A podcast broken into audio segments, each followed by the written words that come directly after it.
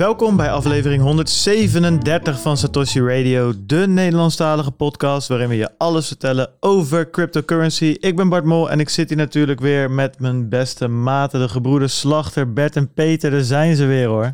Kijk eens. Yo, insgelijks Ja. trouwens. Goedemiddag, goedemiddag. Ja, dat is altijd fijn. kleurtje heb je aan. Lekker kleurtje, lekker Ja, zomers. lekker. Het is weer eens even wat anders dan die blauwe en zwarte eh, dingen. Eventjes gewoon lekker pastelkleurtje.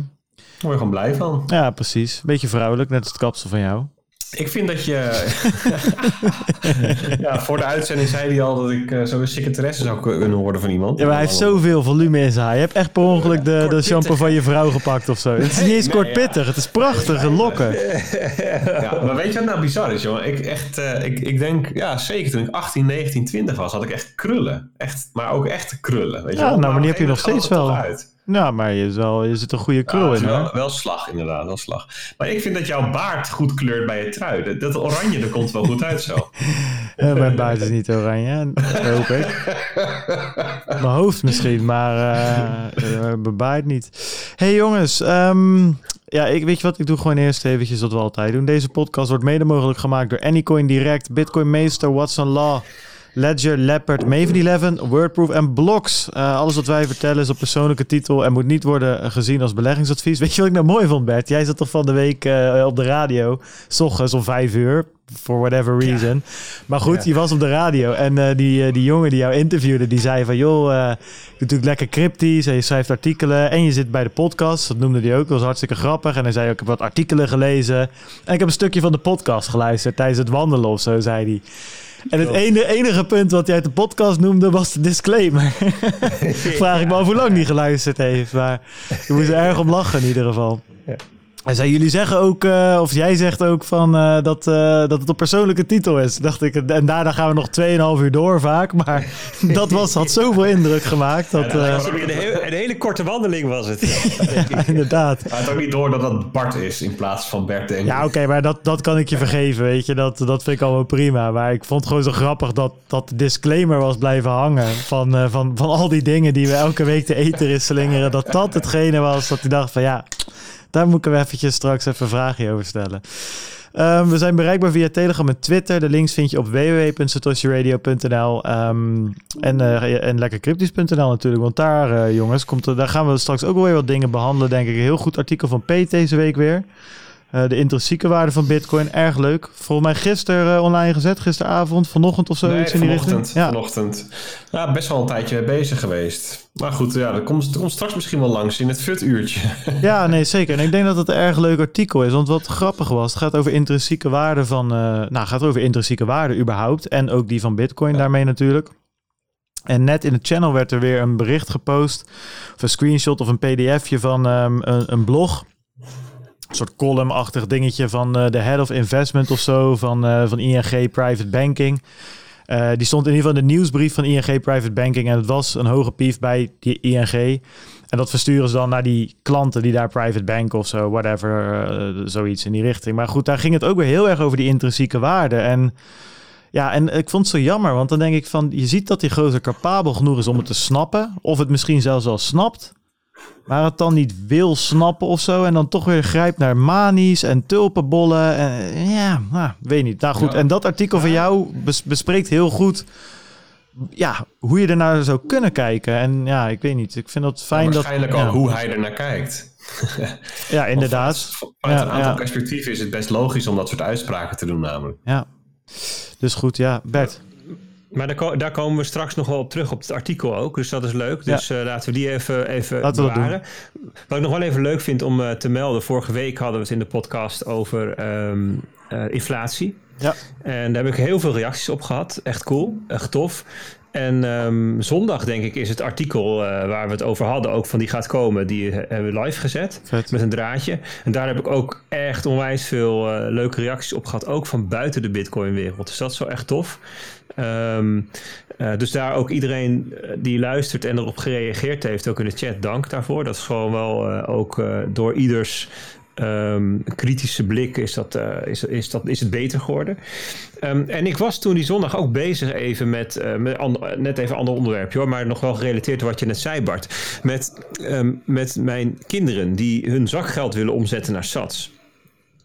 En Willen de kinderen dat of wil papa dat heel graag? Nee, nee, nee. Ja, ja, papa die heeft het natuurlijk wel eens over. Want ja. dat zat. Dus we waren twee weken geleden zo een rondje aan het wandelen. En toen hadden we het over sparen. Wat heb je dan? Ja, nou weet je, de, oudste die heeft net iets heel vets gekocht. Dus zijn spaargeld is op. Dus voor hem was het even niet zo heel relevant. Maar de middelste die had wat spaargeld. Wat moet ik daar dan mee?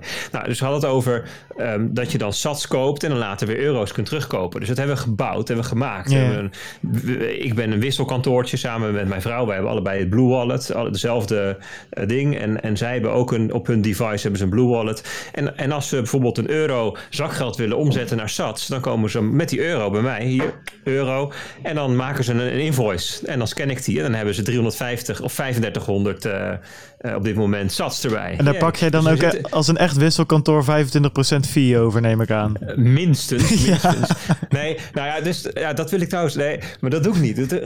Zij mogen zelf de koers opzoeken. Dus ja, ja. Um, eerst had ik in TradingView een uh, ding voor ze gemaakt. 100 miljoen gedeeld door BTC Eur. Nou, dan krijg je ook de koers in sats. En later is natuurlijk de hele toffe site die Jorijn gemaakt heeft uh, sat.trading, is het geloof ik? Ja, sats. Ik ga, ik pak, ga verder, ik, ik, ik zoek hem even op. Sat.trading. En daar kun je dus zien, 1 euro is zoveel sats. Of 5 euro. Dus ze kijken dan, dan zitten ze die koers te kijken. Ja, hij daalt. Dit is een goed moment. Weet je wel, geweldig. Nou, dan komen ze, komen ze sats kopen bij me.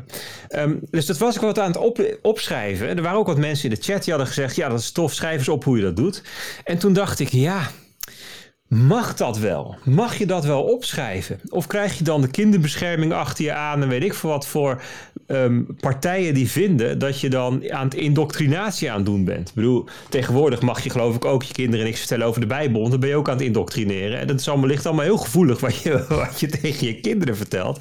Dus mag je wel op de site, mag ik op Lekker Cryptisch wel wat schrijven voor kinderen? Zat ik over na te denken en ik, ik moest eraan denken toen je net zei van ja, die disclaimer. Hè, alles wat we zeggen is op persoonlijke titel, is geen beleggingsadvies. Um, moet dat eigenlijk nog? Ja. Moeten wij dat zeggen? Ik weet niet of dat is dat. bedoel, je hoeft. Als stel dat jij een podcast maakt over euro's en dollars, moet je het dan ook zeggen aan het begin? Of als je, ja, ik, ik weet eigenlijk niet hoe dat precies werkt. Dus dat vind ik wel een leuke vraag. Dus als er iemand uit de community um, goed in de uh, juridische um, uh, materie zit. Moeten wij die disclaimer nog zeggen? Is dat nog? Is dat, is, of is Bitcoin intussen zo volwassen dat je daar gewoon over mag praten zonder allerlei uh, disclaimers? En, en hoe zit dat met als je wat richt op, op kinderen die dat graag uitgelegd wil hebben? Kan dat ook zomaar? Hadden nou, zou het over praten? Richten op kinderen is echt, dat is laatst op YouTube echt veel gezeik over geweest. allemaal regels en, en dingen, dat moet je nu ook helemaal aangeven en zo.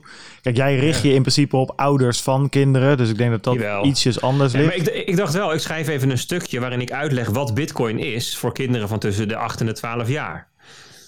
Ja, dat lijkt me niet heel, heel erg. Ik bedoel, de, de DNB die heeft ook de week van het geld. Gaan ze ook bij een basisschool langs. En dan beginnen ze zelfs in groep drie. Dus wat dat betreft... Uh, nee, dat, dat, dat, is waar. Alleen vaak zijn dat soort overheidsinstanties nog asymmetrisch. Zelf mogen ze alles. En bij ja, ja, ja, ja, ja. Zeker als het over bitcoin gaat inderdaad. Jij loopt allemaal kleine terroristen te creëren daarop uh, op die basisschool. Ja, precies. nou ja, dat denken ze, weet je wel.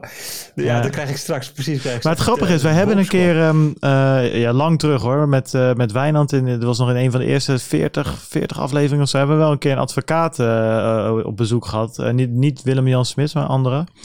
Um, um, uh, ja, goed. En die zei van ja, weet je, doe het maar voor de zekerheid of zo. Weet je, beetje, ja, het kost jou twee seconden en geef je een soort van plausible deniability-achtig idee. Ja, kijk, aan de andere kant is wel, als je je podcast mee begint, dat is wel een beetje van, wow, welkom bij Satoshi Radio. We gaan het nu hebben over dingen die echt fucking eng zijn. Blijf ja. hiervan weg. Zo ja, nou ja, goed. En die persoonlijke titel kan ik jou wel vertellen waar die vandaan komt. Ja, nee, ik werk natuurlijk nog gewoon, hè. Um, het is een beetje wat mensen soms ook in een Twitter-account hebben, van tweets zijn op persoonlijke titel. Ja, dat, dat, is, dat, dat is ook nog steeds een dingetje. Ja, of het uiteindelijk werkt. Als ik me hier echt als een halve zol ga gedragen, dan, dan helpt dat disclaimertje ook niet meer. Maar het is wel even om aan te geven, joh, dit doe ik in mijn vrije tijd. En dat, dat is niet per se uh, hoe mijn werkgever over dingen denkt of zo. Um, dus goed, nou ja. Het is trouwens um, uh, sat.trading. Ik ga meteen even nog een keer even goed in het goede mapje boekmarken. Ik kon hem niet terugvinden. Ja, dat is vet. Ja. Jorijn, Jorijn die kwam daar opeens mee. En Bert, ja, ik zei, Jorijn, als je luistert, laat Bert het nou volgende keer even netjes vragen. Want die liep vorige Ja, week een soort van te commanderen Nee, dat van, klopt. doe het Nee, maar. dat was echt. Nee, dat, dat, dat, dat, was, dat was niet de bedoeling. Sorry. eh, Hij was ook een beetje eh, bang. Ik had Jorijn aan de Sorry, lijn. Jorijn. Ja. Die zei van, ja, Bart, moet ik het nou maken of niet? Zeg maar sorry. staat Bert Zon. voor de deur met een hooivork en een fakkel. Maar nee, dat valt mee. Nee, ik, ik, ik was echt eh, onwijs blij ermee. Echt tof. Hey, en nog even een ander ding. Dat moet die shout-out die wil ik dan ook wel doen. Want eh, Bart zei net, ja, vang je dan wel 30% transactiekosten bij die kinderen? Nee, dat doe ik natuurlijk niet. Maar ik heb deze week wel mijn eerste ehm eh, sets back gekregen van stacking.com. Ah, nice. 2300 satjes. Mevrouw had iets bij de HEMA besteld. En eh, nou ja, goed. eh, ze zijn binnen. Ja, lekker, eh, lekker Leon. Ja, dat is, dat is nice. Ik heb laatst een app ontdekt. Ja, ik denk dat ik hem weer ga, niet, ga, eraf ga pleuren. Want hij werkt gewoon een beetje buggy. Maar hij werkt een soort van... Dan kan je dus... kan je dus... mijn huisgenoot die komt thuis, die smijt een deur dicht. Ik denk, wat gebeurt hier nou? Een soort Groningen lijkt het wel. Maar... ehm, eh, nee, die, daar, kan je door te, te wandelen, krijg je sats terug. Maar goed, eh, ja, en ik wandel wel veel eigenlijk. Wel 19 kilo, of 19, 9 à 10 kilometer op een dag de laatste tijd. En eh, ja, ik dacht, zet ik het aan, maar die app die is heel buggy. Maar goed, ze komen binnen, dus ik ga het even kijken of ik ze eraf kan krijgen. Dus het is wel grappig dat dat gebeurt tegenwoordig. Ja, ik, ik ben wel benieuwd of wij in Nederland ook iets gaan krijgen dat je gewoon een soort. In Amerika heb je creditcards waar, ze, waar je gewoon satsback eh, Ja. Terugkrijgt. Dus Mhm. eerst, ik geloof dat ehm, de, de, die veel gebruikt wordt nu is anderhalf procent. En ik hoorde pas dat, dat, dat Gemini het ook gaat lanceren met 3 procent gewoon. 3 procent van alles wat je besteedt. Dus alles wat je betaalt, van boodschap bij de supermarkt tot in de kroeg. Nou, daar kunnen we toch niet heen, maar straks weer. Ja, voor mijn part eh, koop je je auto ermee. En je krijgt wel 3 procent terug in sats. Dat is wel, eh, dat, ik geloof dat hebben wij niet, toch? Nog? Zoiets nee, maar dat is wel eh, interessant, want dat vindt zijn oorsprong natuurlijk in die, in die kredietmaatschappij die Am- Amerika is. Hè, dus die hebben natuurlijk al jarenlang cashbacks op hun creditcards, eh, zodat je maar op krediet gaat kopen. En ja, weet je, die cashback die halen ze dan wel uit. En hoe dat met crypto zit, vind ik wel een interessante vraag van je, Bert. Want eh, dat zijn vaak gewoon debitcards of gewoon prepaid creditcards. Dus daar kan je niet op krediet kopen. Dus die die, die kredietgeldstroom die eh, banken normaal verdienen, waarmee ze die cashbacks verkopen, eh, die is er niet. Ik weet wel hoe Binance dat doet, want Binance die adverteert met 8% cashback.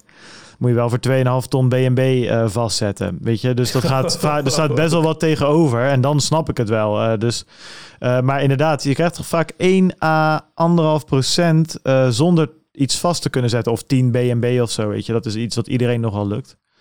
Ja, dus het is interessant. We hebben het natuurlijk een tijdje terug over gehad en dan komen er steeds meer. En eh, zo'n Binance card, ja, dat schijnt best wel aardig eh, te werken. Het probleem is wel bijvoorbeeld dat Albert Heijn dan weer geen eh creditcards ac- accepteert. Ehm, en, en veel andere, ja, wij zijn niet zo'n creditcard land, zeg maar. Dus kleine aankopen doen met Mastercard of Visa, dat gaat dan vaak ook weer niet. Maar als er mensen in de chat zijn die er ervaring mee hebben, laat het even weten. Ik ben wel benieuwd. Ik wil het eigenlijk ook wel eens proberen. Maar ik vind Binance gewoon zo'n klote bedrijf dat ik er eigenlijk helemaal geen zin in heb.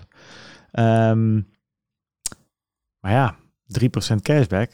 Misschien Gemini, maar dat is, alleen, is dat ook duidelijk of dat in Europa komt dan, Bert? Of is dat alleen nee, nog... eh, weet ik niet. Ik, oké. Amerikaanse podcast hoorde ik het. Dus Ja, ik ja. heb niet, niet gekeken naar Nederland. Nee, het mooiste zou zijn natuurlijk als je hier een soort eh, bunk of knap of zo-achtig fintech eh, bank. Die gewoon zegt van joh, hier is je pinpas en je krijgt 3% eh, in, in sats. Doe, dat zou natuurlijk tof zijn. Dat Ja. je gewoon in naar Nederlandse standaarden, of je nou betaalt met Ideal of, bij de, of, of, of met mobiel betalen, maakt allemaal niet uit. Je krijgt gewoon 3%. Kijk, dan heb je het ergens over. Ja, nee, zeker. En eh, nou ja, goed, stacking is een leuke eerste, eerste stap. Leon, ga die browser-extensie nou even afmaken. Want dat zou ik echt eh, goud vinden, want ik vergeet het gewoon te vaak. Ehm ik denk, oh ja, kut, sorry, dit had misschien ook wel via stacking gekund. Maar dan heb ik het al gekocht, zeg maar. Dus dat eh, zou chill zijn als het gewoon standaard aanstaat in mijn browser. Ehm er schijnt al een extensie te zijn, maar dat is geen echte officiële of zo, whatever. Moet ik nog even naar kijken. Ehm hey, wat ik nog even wilde bespreken. Eh, deze week was wel echt even gekkenhuis. Ten eerste omdat ik het vooral eh, heel erg druk heb op werk. Eh, maar daarnaast gebeurde er van alles en nog wat aan alle kanten. En nou ja, wat ik zei, Bert op de radio. Ik mocht op de radio komen. Nou, dat vond ik ook wel leuk. dat was wel spannend, maar wel leuk. Peti schrijft veel artikelen. Er gebeurt gewoon echt een hoop. En je ziet het in de channel. We zijn, nou ja, van, van 550 eh, drie maanden terug naar 960 mensen of zo gegaan. En ehm, daar wil ik wel eventjes kort wat over kwijt. Want eh, die influx aan mensen, dat zorgt er ook wel voor dat, dat de oud-gedienden eventjes, uh, waaronder ik zelf ook, ook wel zo, even, ja... Er zijn natuurlijk een stel autisten bij elkaar die net aan elkaar gewend zijn. Ja, dat wordt allemaal een beetje opgeschud en dat, dat zorgt voor wat, wat, wat wrijving. Dus ook denk voor de nieuwe mensen, jullie zijn allemaal welkom. Stuk voor stuk, superleuk. Maar zie vooral die Telegram groep ook als een soort van, van bruine kroeg waar het jarenlang niet echt druk is geweest. Het schilferde een beetje. We hadden niet echt genoeg uh, centen om mooi behang en, uh, en, een goede geluidsinstallatie te kopen. Maar goed, we hadden een gezellig clubje mensen die daar een biertje kwam drinken elke dag. En die zijn er drie jaar lang blijven zitten. En um, ja, nu is, uh, is Bitcoin hot and happening. En hebben we wel een mooi behang kunnen kopen. En er hangt een mooie geluidsinstallatie en een mooi neonbord voor de deur. Dus nu komt iedereen erop af. veel meer mensen. Ja, kijk, iedereen is welkom. Maar als jij in een stamcafé binnenkomt voor de eerste keer en je gaat op de bar staan dansen en schreeuwen dat XRP de toekomst is, ja, dan word je in een echt café ook gewoon naar buiten geslagen. En dat gebeurt hier eigenlijk ook een klein beetje. Dus neem het die jongens ook niet kwalijk. Aan de andere kant denk ik, jongens, laten we ook een beetje openstaan voor, voor nieuwelingen en. Um, mensen die nog niet drie jaar lang in een bear market hebben gezeten en daardoor misschien wat minder gepokt en gemazeld zijn. Um, ja, kort in principe, ik denk dat een beetje de regels van de groep is dat er geen regels zijn. Dat de regels door iedereen bepaald worden. Um, ja, jongens, wat, wat is Satoshi Radio eigenlijk? Kijk, ik denk, voor mij is het meer... Nou, trouwens, dat komen we straks nog op terug. We kregen een vraag over bitcoin en shitcoins en uh, altcoins. Dus daar kom ik straks nog wel op terug wat meer de filosofie is. Maar meer, dit is een beetje voor de groep. Gewoon, iedereen is welkom, maar hou het een beetje leuk. En um, ja, goed, weet je, de rust daalt wel weer neer uh, binnenkort. Maar ja, zie het als een kroeg waar mensen al jarenlang komen. Dus als je daar binnenkomt en meteen begint te tetteren, dan kan je een wat vijandige uh, reactie krijgen ze nu en dan. Maar goed, het zijn allemaal hartstikke leuke gasten als je ze leert kennen, geloof mij maar. Um, ja, de noodzaak, dat gaat superleuk. Elke maandag, jongens, 4 uur. Uh, smiddags komt er een nieuwe video uit. Uh, aanstaande maandag 1 of 2, denk ik, over Lightning. Dus dat gaat hartstikke leuk worden. En dan gaat een video komen. Ja, er zijn nu zoveel mensen zo nood aan het bouwen. Uh, nou ja, Bert, wat jij, wat jij zei, ja, wat, moet zo, wat moeten beginners nu met een nood? Ja, daar heb ik een video over gemaakt om dat, een beetje uit te leggen. Maar ik, ik ga nog wel een paar video's maken om wat uh, um, um, common misunderstandings uit de wereld te halen. Bijvoorbeeld dat een nood geen wallet is, om er maar eens eentje te noemen. En al helemaal geen veiligere wallet dan een hardware wallet. Want dat zag ik een paar keer langskomen. Toen dacht ik, oké jongens, wacht even. Daar, daar moeten we even een klein streepje trekken. Um, maar in ieder geval wel, bedankt voor alle leuke reacties. En als je nog niet gecheckt hebt, de noodzaak op, uh, op ons YouTube kanaal. Bert. Bart, ik, um, ik luisterde van de week um, een aflevering van uh, de podcast van uh, Shores. En um, Aaron. Aaron, ja. ja leuke, leuke aflevering over Lightning. Ze gaan uitleggen hoe het werkt, technisch, de basics. Dus dat is, um, dat is ook voor iedereen trouwens interessant. Ze zeggen van hoe zit nou technisch Lightning in elkaar? En ze zeiden nog van ja, we gaan nog later wel een keertje wat, wat dieper erop in. En dacht ik dat graag, want waar, waar, waar, waar ik op een gegeven moment tegenaan loop, en misschien vind je het leuk om ook in de noodzaak eens uit te leggen, of misschien moeten we daar met elkaar eens in verdiepen. Van er komt ergens een punt. Nee, ik denk dat heel veel geldstromen um, in de maatschappij fundamenteel een, een bepaalde richting op zijn. He, dus in de verhouding tussen jouw werkgever en jou gaat het geld eigenlijk altijd van de werkgever naar jou toe. Want die betaalt jouw salaris. Je betaalt heel, heel zelden wat terug aan die werkgever. Um, uh, tussen de geldstromen tussen jou en de supermarkt, die gaan hoofdzakelijk richting de supermarkt. De supermarkt betaalt jou bijna nooit. Mm-hmm. Dus als je op een gegeven moment channels zijn, dan denk ik, dat is uh, intuïtief, hè, dat channels vaker een, um, een hele duidelijke richting hebben. Uh, dat dus geld altijd van de een naar de ander gaat, netto op termijn.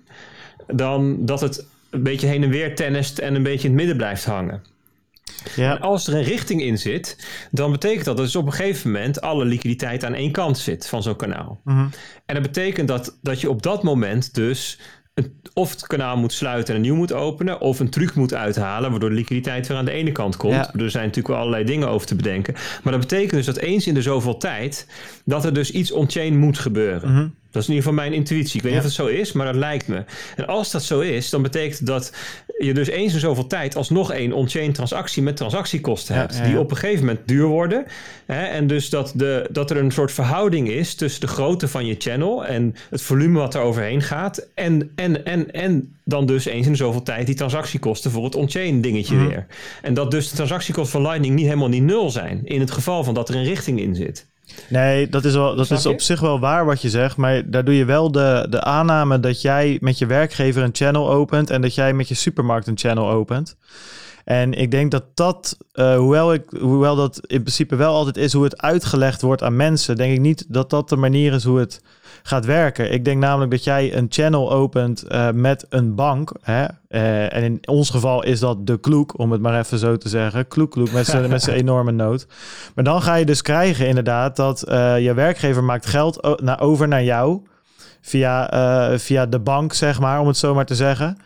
En daarna ga ik via de bank, via datzelfde channel, stuur ik geld naar, naar, een, eh, eh, naar een supermarkt, zeg maar. Snap je wat ik bedoel? Dus, eh, en dan krijg je per persoon, komt er bijvoorbeeld 2500 euro per maand binnen aan bitcoin. En er gaat 2500 euro per maand uit. Hè? En dan, nou goed, ga ik even vanuit dat je alles opsoepeert wat je maar- krijgt. Bart, dat is toch super kapitaalintensief voor de bank, voor, voor, voor, voor de kloek in dit geval. Want die moet dus per persoon die op hem aangesloten is, het, het volledige kapitaal van die persoon eh, in, in zo'n channel stoppen. Nou, of niet het volledige. Ja, ah, in, inderdaad, er zitten nog wel wat haken en ogen aan hoor. Eh, ik ben het met je, ik zit meteen ook gewoon as we speak mee te denken, namelijk. Ja, ik, ik, weet, ik weet het gewoon oprecht niet. Dus, dus dit, dit, dit soort vragen over die. Kijk, ik snap het verhaal van Mallers, van Jack Mallers, die zegt: Weet je, ik maak voor mezelf. ehm, eh, eh, met de techniek van het Lightning-netwerk ga ik tussen mijn eigen bedrijven de shit heen en weer sturen binnen een seconde. Eh, snap ik. To- dat is logisch. Ja.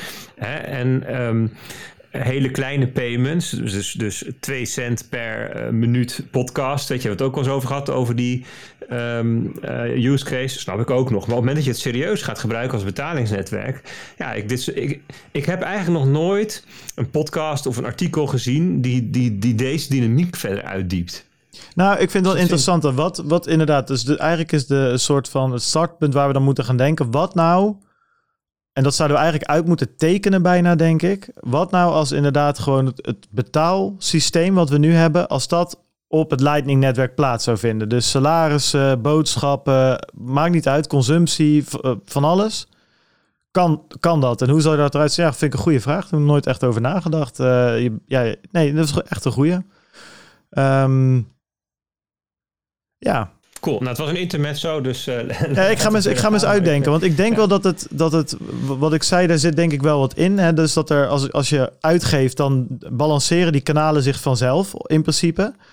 Ehm, maar nee, inderdaad. Eh, want er moet er best wel veel kapitaal in gelokt zijn ook, inderdaad. Ehm, vind ik niet zo gek. Ja, kijk, wat je dus uiteindelijk natuurlijk weer gaat krijgen... is eh, dat je helemaal geen eigen channel hebt. Maar gewoon een account eh, bij de bank. Hè? Ehm, net zoals bij eh, Blue Wallet bijvoorbeeld. Eh, dus die zorgen zelf gewoon dat ze genoeg kanalen hebben om aan alle eh, transacties te kunnen voldoen.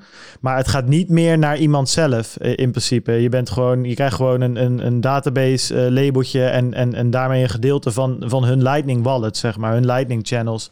Dus ik denk dat dat een beetje, het, een beetje het ding is. Maar dan krijg je dus een beetje eigenlijk hetzelfde als wat Jack zegt. Dan wordt het eigenlijk gewoon de onderliggende laag zodat er gewoon veel sneller en goedkoper internationale transacties gedaan kunnen worden. Of überhaupt transacties.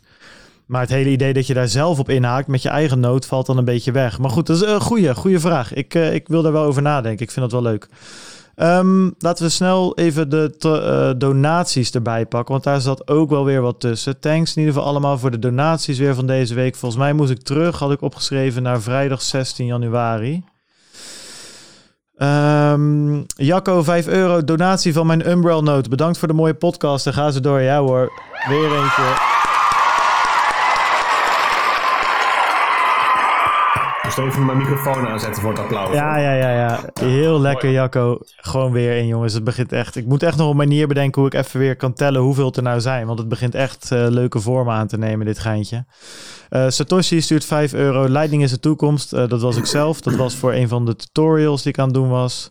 Maar goed, TJ stuurt een drie, drie, ja, klei- 3000 sats. Verdomme. Zo, dat ging Euro's. bliksemsnel zeg. En het kostte nog minder. Mand.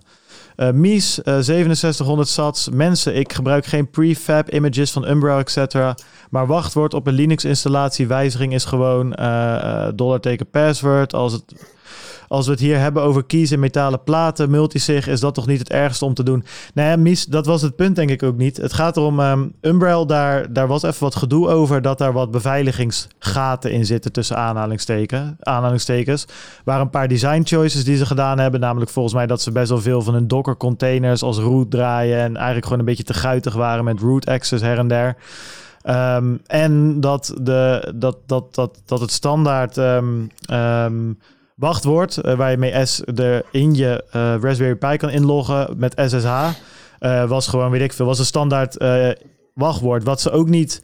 Ze vertellen niet aan de gebruiker dat je dat eigenlijk even moet wijzigen. Dat was een beetje het punt. Um, en daar hadden we het over, Mies. Dat het niet, inderdaad niet erg is om dat te wijzigen. Dat het zelfs handig is om te wijzigen. Maar meer de discussie dat het niet aangegeven was, was even een discussiepunt. Dus inderdaad, ben het helemaal met je eens. Het is vrij makkelijk aan te passen en doe dat ook. Ik zal ook nog even een keer een korte video over maken of het meenemen in een andere video. Je bos stuurt uh, 3400 sats. Kwam een mooie quote tegen. Uh, met de beste tip omtrent Bitcoin en mogelijk een paar altcoins. Hij zegt: If you're not, if you're not a trader, DCA en chill. Ja, dat, uh, daar, kan ik het, uh, daar ben ik het mee eens.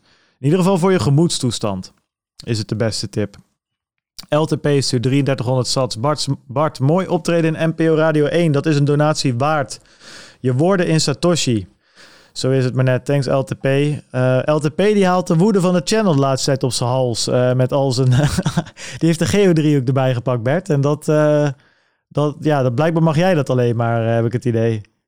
Nee, nee, ik, uh, ik mocht het ook niet. Heb je dat meegekregen? ja, dat heb ik ook gezien, ja. ja er kwam een nieuweling in de chat. Het was, het was cabaret, zeg dat is toch cabaret of niet? ja. ja, op zich snapte ik die opmerking nog wel. Ik bedoel, we doen het natuurlijk altijd een beetje met een knipoog, weet je. Dat is natuurlijk altijd het idee geweest. Maar um, ik vond het grappig. Gozer was twee dagen in de chat en die begonnen tegen fucking Bert Slachter zijn geo op te nemen. Nou, dan heb je ballen. Dat moet ik je wel nageven. Ja, nee, dat vind ik ook. Ik wilde, ik wilde nog zeggen, van, ja, meestal dan, dan kijk ik eerst naar de RSI en de moving average en daarna zing ik Flappy. Dus dat is een beetje... Ja, ja, ja, ja, precies. Uh, we hebben nog een donatie van 9999 sats van Kloek Kloek, maar het is namens Donald Musk. Dat ook een mooi verhaal was iemand die nieuw was in de channel. Die hadden we geholpen met iets. Ik weet het niet meer. Dus, dus stuurde hij een donatie. Maar daarvoor gebruikte hij die, de bot van Kloek Die natuurlijk ook bij ons in de channel zit. Ja, ik snap het. Als je nieuw bent, er zijn er zoveel mogelijkheden om, om je sats ergens heen te sturen. Dat je door de bomen het bos niet meer ziet. 5000 sats van Eek. Hij zegt heldere uitleg van Bert over inflatie. Het bijbouwen van huizen zou moeten zorgen voor beter betaalbare huizen. Lijkt me onbegonnen werk met de inflatiecijfers van categorie C. Um, ja. Ja, dat, ja dat, dat gaan we dus zien. Maar er moet eerst gebouwd worden. En dat gebeurt, gebeurt dat eigenlijk een beetje. Weet iemand dat? Nou, in Nederland hebben we natuurlijk um, meerdere problemen. Hè? Dus we hebben het probleem dat gewoon weinig, minder gebouwd wordt dan dat er uh, mensen huizen willen hebben. Door bijvoorbeeld door de stikstofrestricties, maar ook door alle, op allerlei plekken lokaal dat er gewoon allerlei specifieke problemen zijn waardoor dat lastig is. Grond die je niet kan. Ik, ik woon in wijk Beduursteden. De reden dat wij hier niet bouwen is omdat ze met de, met de provincie een fitty hebben over dat de provinciale weg te weinig capaciteit zou hebben voor als er meer mensen komen te wonen. En dat uh, al tien jaar, weet je, is dat een soort van standoff. Ja, weet je, dat soort. En elk plekje heeft wel weer zijn eigen shit. Dus in, in, in Nederland is er gewoon ook, ik geloof, honderdduizenden huizen uh, achterstand op wat er eigenlijk zou moeten. Dus, dat, dus Nederland is niet wat dat betreft, dat de hoge huisprijzen zitten meerdere ingrediënten. Het is gewoon puur tekort. Dus vraag en aanbod uh, verhaal, te weinig aanbod. En, uh, wat ook een rol speelt is de hele lage rente, waardoor mensen veel meer kunnen, kunnen lenen en dus uh, tegen elkaar gaan opbieden. Um, en, en dus ook dat vastgoed gebruikt wordt als waardeopslagmiddel, als, als store value, zeg maar. Dus er zijn allerlei speculanten, investeerders, die zeggen: ja, um, ik, ik koop maar een, uh, een appart, appartement in Amsterdam of in Londen of in Parijs of in uh, Tokio. Weet je, want die behouden hun waarde wel. En nou ja, dat, dus het, het, het, kopen van huisjes, huizen of huisjes, ja, de huisjesmelkers. Hè, het kopen van huizen um, als, als beleggingsobject versus iemand die het wil hebben om te wonen, dat concurreert natuurlijk tegen elkaar. Dus ja, die, huizenmarkt is, is, een, is niet zo'n heel simpel vraagstuk vraagstuk. Ehm, maar stel dus dat je die hele monetaire premium uh, uit vastgoed haalt. Dus dat niemand meer in vastgoed belegt vanwege het geld, maar alleen maar om erin te wonen. En stel dat die rente niet meer zo idioot laag is vanwege monetaire verruiming. Ehm, en stel dat uh, er, er, gewoon voldoende gebouwd wordt, uh, zeg maar zoveel gebouwd wordt als dat de vraag is, ja, dan, dan zal denk ik de huizenprijs tenderen naar de, naar de kosten van het bouwen, zou ik maar zeggen. Ja. En, dat, en dat, dat, is, dat is eigenlijk, dat, in ieder geval voor mij intuïtief, zou dat een gezonde situatie zijn. Um, en daar zitten we natuurlijk heel ver van af in Nederland nu. Ja. Um, dan gaan we door naar de volgende 16.600 sats KVO. Uh, die stuurt de techniek van Bitcoin is fascinerend. Verschillende onderdelen werken perfect samen en alles lijkt heel doordacht. In dat licht bezien kan de limiet van 21 miljoen Bitcoin haast geen toeval zijn. Mijn vraag is dan ook: waar komt die 21 miljoen eigenlijk vandaan en waarom een onderverdeling in 100 miljoen sat? Ben benieuwd naar jullie antwoord. Nou ja, dat, dat, daar, daar zijn een paar theorieën over. Nou ja, goed, dus we kunnen het Satoshi niet vragen. Maar uh, het mooie is dus dat hij daar ooit eens een keer een soort van discussie over heeft gehad met uh, een andere Bitcoin Core contributor, Mike Hearn. Hearn, H-E-A-R-N. En, en nou ja, dit noemen ze ook wel de money replacement theory. Er is ook nog een soort van wiskundige toevalligheid. Nou die kan je zelf opzoeken. Dan kan je het even nalezen. Want dat is een beetje lastig om in een podcast uit te leggen. Daar hebben we ook niet echt de tijd voor. Nou goed, we hebben alle tijd natuurlijk. Maar ik vond de money replacement theory interessant. Er komt er eigenlijk op neer dat hij zegt van... joh, als bitcoin nou gewoon de gehele M1 money supply... al het geld op de wereld wat er is, zou vervangen... dan is 1 M BTC, dus 0,001 BTC... zou dan ongeveer 1 euro waard zijn, heeft Satoshi dus gezegd.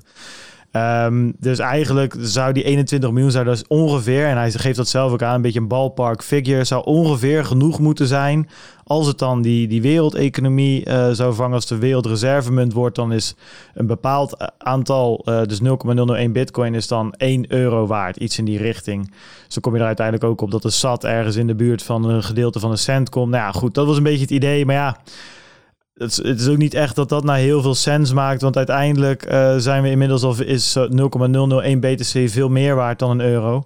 Maar goed, daar, dat vond ik op zich een geinige theorie. Dat, uh, en, en dat kan enigszins onderbouwd worden, omdat dat dus daadwerkelijk door Satoshi geschreven is.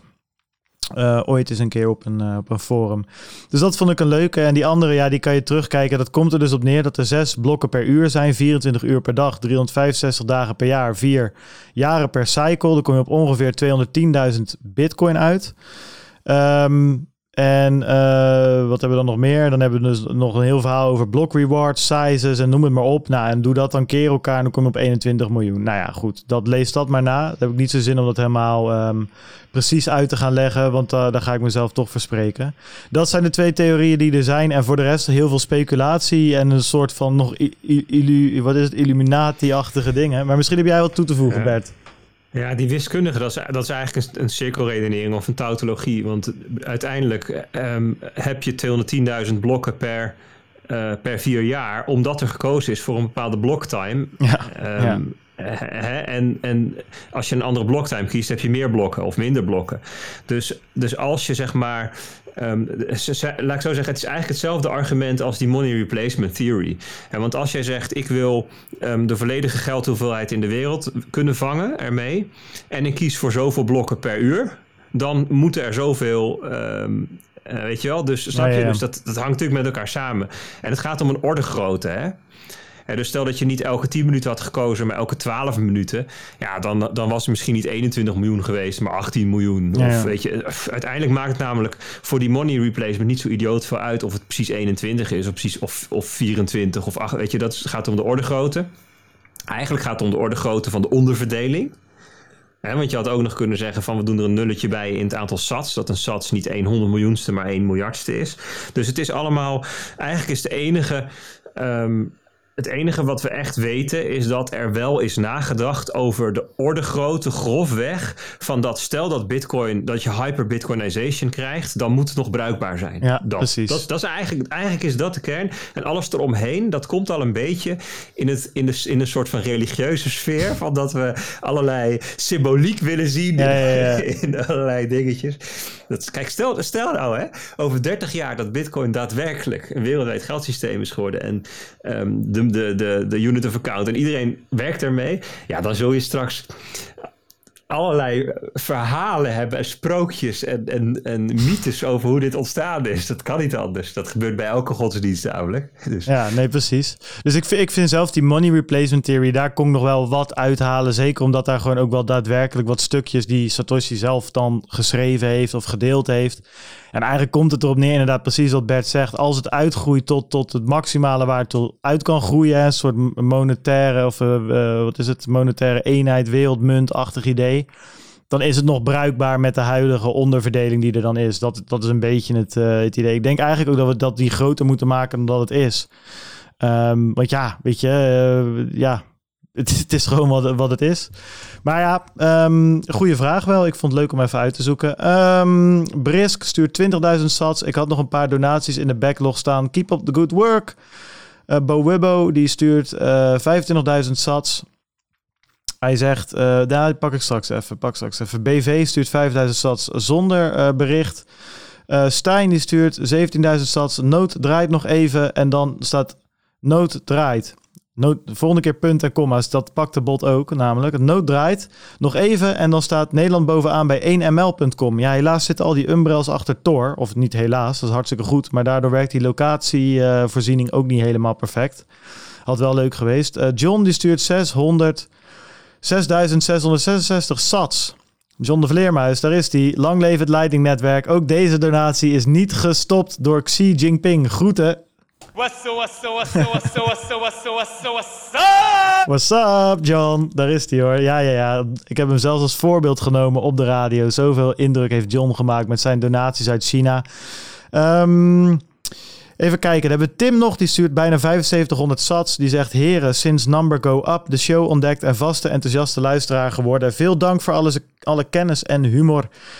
Aantal weken geleden eindigde de show met een cliffhanger over de uitwerking van een hypothese met bitcoin als redding van de commerciële banken. Nog altijd benieuwd naar de uitwerking. Nou Tim, dat gaat hopelijk komen vandaag, cliffhanger. Um, pak ik nog even de donatie van Bo Wubbo, Jan op. En die zegt, heren, dank voor jullie inzet weer. Vorige week bij Plan B Vorige week plan B bij Madelon geluisterd. Um, hij als Bitcoin-maximalist, zo noemde hij zichzelf, vond dat altcoins geen store of value zijn. Je kan maar één keer digitale schaarste hebben. Echter vond hij wel dat altcoins waarde kunnen hebben zoals olie. Ik vraag me af hoe jullie hierover denken. Ja, jongens, hoe denken wij er nou over eigenlijk? Over die altcoins.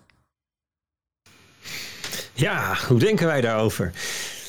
Ja, ik ben het wel met. Um uh, plan B eens dat um, digitale schaarste um, wel bestaat bij de gratie van dat je niet nog 40 bitcoins ernaast kunt zetten. Nee. Want en eh, dat was, kijk, dat, en dat was ook in 2016, 17 voor, voor mensen een reden om eruit te stappen. Dat toen die gesprekken begonnen over forks en nou ja, eh, de, de Bitcoin Cash fork, toen dat, de, de, dus de, de, de block, block size wars, om eruit te stappen van ja, shit, als dit kan, als dit tot de mogelijkheden behoort, dat, ja, dan, uh, dan dat, uh, dat vertrouw ik niet. En, en daarna hebben we gezien dat um, Bitcoin Cash en BSV en zo, en, en er zijn natuurlijk nog een heel zootje, Bitcoin Diamond, en weet ik wat we allemaal nog gezien hebben, ja, die tenderen allemaal naar nul dus het begon, helemaal in het begin kon je geloof ik vlak na die split nog ongeveer een derde of zo krijgen. Dus als je toen je Bitcoin Cash verkocht, dan kreeg je daar 0,3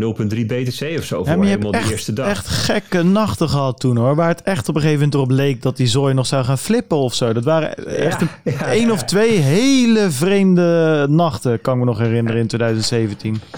Het was een nacht die je normaal alleen in films. Nou, volgens mij, volgens mij is die heeft de hele tijd op 0.03 gestaan, hè? Klopt dat? dat is een beetje, ik kan het wel even, ik kan het even nagaan. Ga maar verder. Nou, en dan nu naar 0.01 en zo verder omlaag. En welke, welke is de originele Bitcoin, de originele Bitcoin de, Cash de, nou? kijk maar gewoon naar BCA en dan kijk maar naar allebei even. Dat is op zich wel geinig om er even bij te hebben. dus, dus even in het verhaal van um, een cryptovaluta als digitaal schaars uh, of als, als, als geldsysteem gebaseerd op digitale schaarste, daarvan geloof ik ook eigenlijk dat er maar eentje kan zijn. Bitcoin, punt. Ja. En dat is, en, en het collectief heeft nu met de voeten gestemd of met de portemonnee gestemd en dat is BTC geworden. Dat heb ik ook een keertje een, een column over geschreven.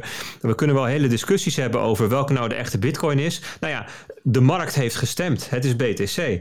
Weet je, en, en dat vond ik wel mooi. Um, Roger Ver van BCH, die zei dat ook een keer in een, in een lang gesprek, volgens mij met Pieter McCormack, zei hij van, oh nee, nee met, met Pomp, met Pompliano. Zei hij ook, ja, eerlijk is eerlijk. Op dit moment is uh, Bitcoin, is BTC gewoon um, uh, de grootste en, en succesvolste. En het, ik hoop dat het, dat het Bitcoin Cash wordt, want daar gaat hij voor. Maar ja, misschien moet ik op een gegeven moment zeggen van nou, het is het toch niet. En dan ga ik, ik heb, ik heb ook gewoon mijn BTC gehouden, zegt hij. Want ik, ik, zie, ik geloof daar ook in. Uh, dus dat vond ik een hele reële, mooie podcast trouwens om eens terug te luisteren. Volgens mij is het uit februari 2020. Moeten we even kijken. Um, maar zijn er dan nog andere crypto-projecten? crypto-projecten met waarde. Nou, ik geloof bijvoorbeeld dat stablecoins, um, dus zeg maar crypto-dollars, crypto-euro's, dat daar dat die best waarde kunnen hebben. Hè? Dat, daar best een, een, dat die best een functie, een nut kunnen hebben. Ja, wel de waarde van een euro of van een, van een dollar natuurlijk. Dus dat is een, een groep. Uh, en ik geloof ook best dat er allerlei um, projecten, andere projecten kunnen zijn die, die, uh, die je kunt waarderen. Um, er zijn best wel wat bijvoorbeeld DeFi-projecten die gewaardeerd kunnen worden zoals je een aandeel waardeert. Omdat ze namelijk waarde vangen als in een deel van de transactiekosten um, wordt verdeeld onder de tokenhouders. Dus je hebt ik geloof dat het bij um, Uniswap is het 0,3% van elke swap. Ja, dat, wordt, dat gaat nu naar de, naar de liquidity providers. Maar er ligt nu een voorstel om um, zesde daarvan naar de, naar de Uni-tokenhouders te gaan um, sturen. En dus dat is, dat is best wel veel. Hè? Als je 10 miljard volume hebt op, op zo'n uh, uh, decentralized exchange, wat zo, hè, zo zou Uniswap kunnen zien. Nou ja, 0,05% daarvan is nog steeds um, best een serieus bedrag. Hè? Dus dat is nog steeds 500 miljoen per jaar, wat verdeeld wordt onder de, onder de juni. Uh, tokenhouders. -huh. en dus je zou daarmee zou je kunnen zeggen, van, nou, dat, daar kun je een waardering op loslaten. Dus als je als, je als um, um, uh, uh, nou ja, je, kun, je kunt kijken van ik heb, ik heb zeg maar, als je, als je alle uni-tokens bij elkaar hebt en die vangen per jaar 500 miljoen dollar aan inkomsten. Um, en nou ja, dan kun je naar de toekomst gaan kijken en dan kun je dat waarderen. En, en dan, dan kan je eigenlijk net als bijvoorbeeld bij een aandeel kijken van nou ja, wat zijn de verwachte winsten in de toekomst en nou ja, wat, wat is dan de verhouding tussen de prijs van het aandeel en de earnings die ik verwacht. Nou, zo zou je dat ook bij DeFi tokens kunnen doen. En dus er zijn er wel bepaalde uh, tokens of um, projecten of, of ja, dus, hè, die, die, waarbij, waarbij er waarderingsmethoden zijn die, die ergens op slaan. Ja. En wat niet puur is de speculatie van nou ja, ik koop dit tokentje en misschien gaat het ooit een keertje wat worden. Um, andersom is natuurlijk wel zo dat bijvoorbeeld Lend, de token Lend, kennen wij nog uit um, uh, de ICO's in 2017. Um, dat is nu AVE geworden. En die, die hebben nu gewoon een serie. bedoel, die heeft volgens mij heeft, het, heeft dat een tijdje op een market cap van 5 miljoen gestaan. Volgens mij hebben ze nu een market cap van 3 miljard. ja, dat, dat heeft dus een hele tijd. was dat puur speculatief. En nu is er daadwerkelijk een economie rondom de token. Waar, gewoon, waar, je, hè, waar je een waardering op los kunt laten. En Synthetics hetzelfde. Dus er zijn, ja, dat, er zijn natuurlijk een hele hoop projecten waarvan je nu kunt zeggen: joh, dat is shitcoin in de zin in de shitcoin categorie in de zin van geen idee waarom deze munt ooit waarde zou hebben, uh -huh. maar het kan zijn dat er iets uitgroeit waar er daad, wel daadwerkelijk waarde mee gecreëerd wordt. Ja. Dus dat, daar zit nog een categorie denk ik waar dat zou kunnen. Um, ja, en dan is er natuurlijk nog een hele grote categorie, namelijk 99% van die 3000 die er zijn. Ja, ja, dat is, dat, dat, dat, dat, daar is nu geen, geen touw aan vastknopen van waarom het waarde zou hebben. En dat is puur speculatie ja. dus. Peet, zeg, ik, uh, wat vind jij ervan? Hier heb jij toch wel... Ik, ik, even, ik wil even mijn, mijn, mijn, even ome Peet. Ik weet niet uh, wat je gegeten hebt vanochtend, maar je zit in een hoekje op de verjaardag op het moment. Eventjes aanschuiven, jongen. Ja, ik, bij, uh... zit, ik zit heerlijk te genieten van... Uh, ja, dat zeg je elke keer, maar ik geniet ook van jou, jongen. Wat vind jij ervan? Mijn, meestal komt mijn tijd dan nog wel. En, en anders is dat natuurlijk ook goed. ja, maar ik wil het weten. Wat, wat vind je... Bitcoins, shitcoins, altcoins, waarde. Wat, wat, hoe zit jij erin? Ja. Um, nou, ik vind. Uh, ja, ik denk niet dat ik heel veel andere dingen vind, eerlijk gezegd. Wat dat betreft is het een beetje saai. Ik, ik denk dat er maar één Bitcoin is. Eh, en, Mm. en nu is dat BTC.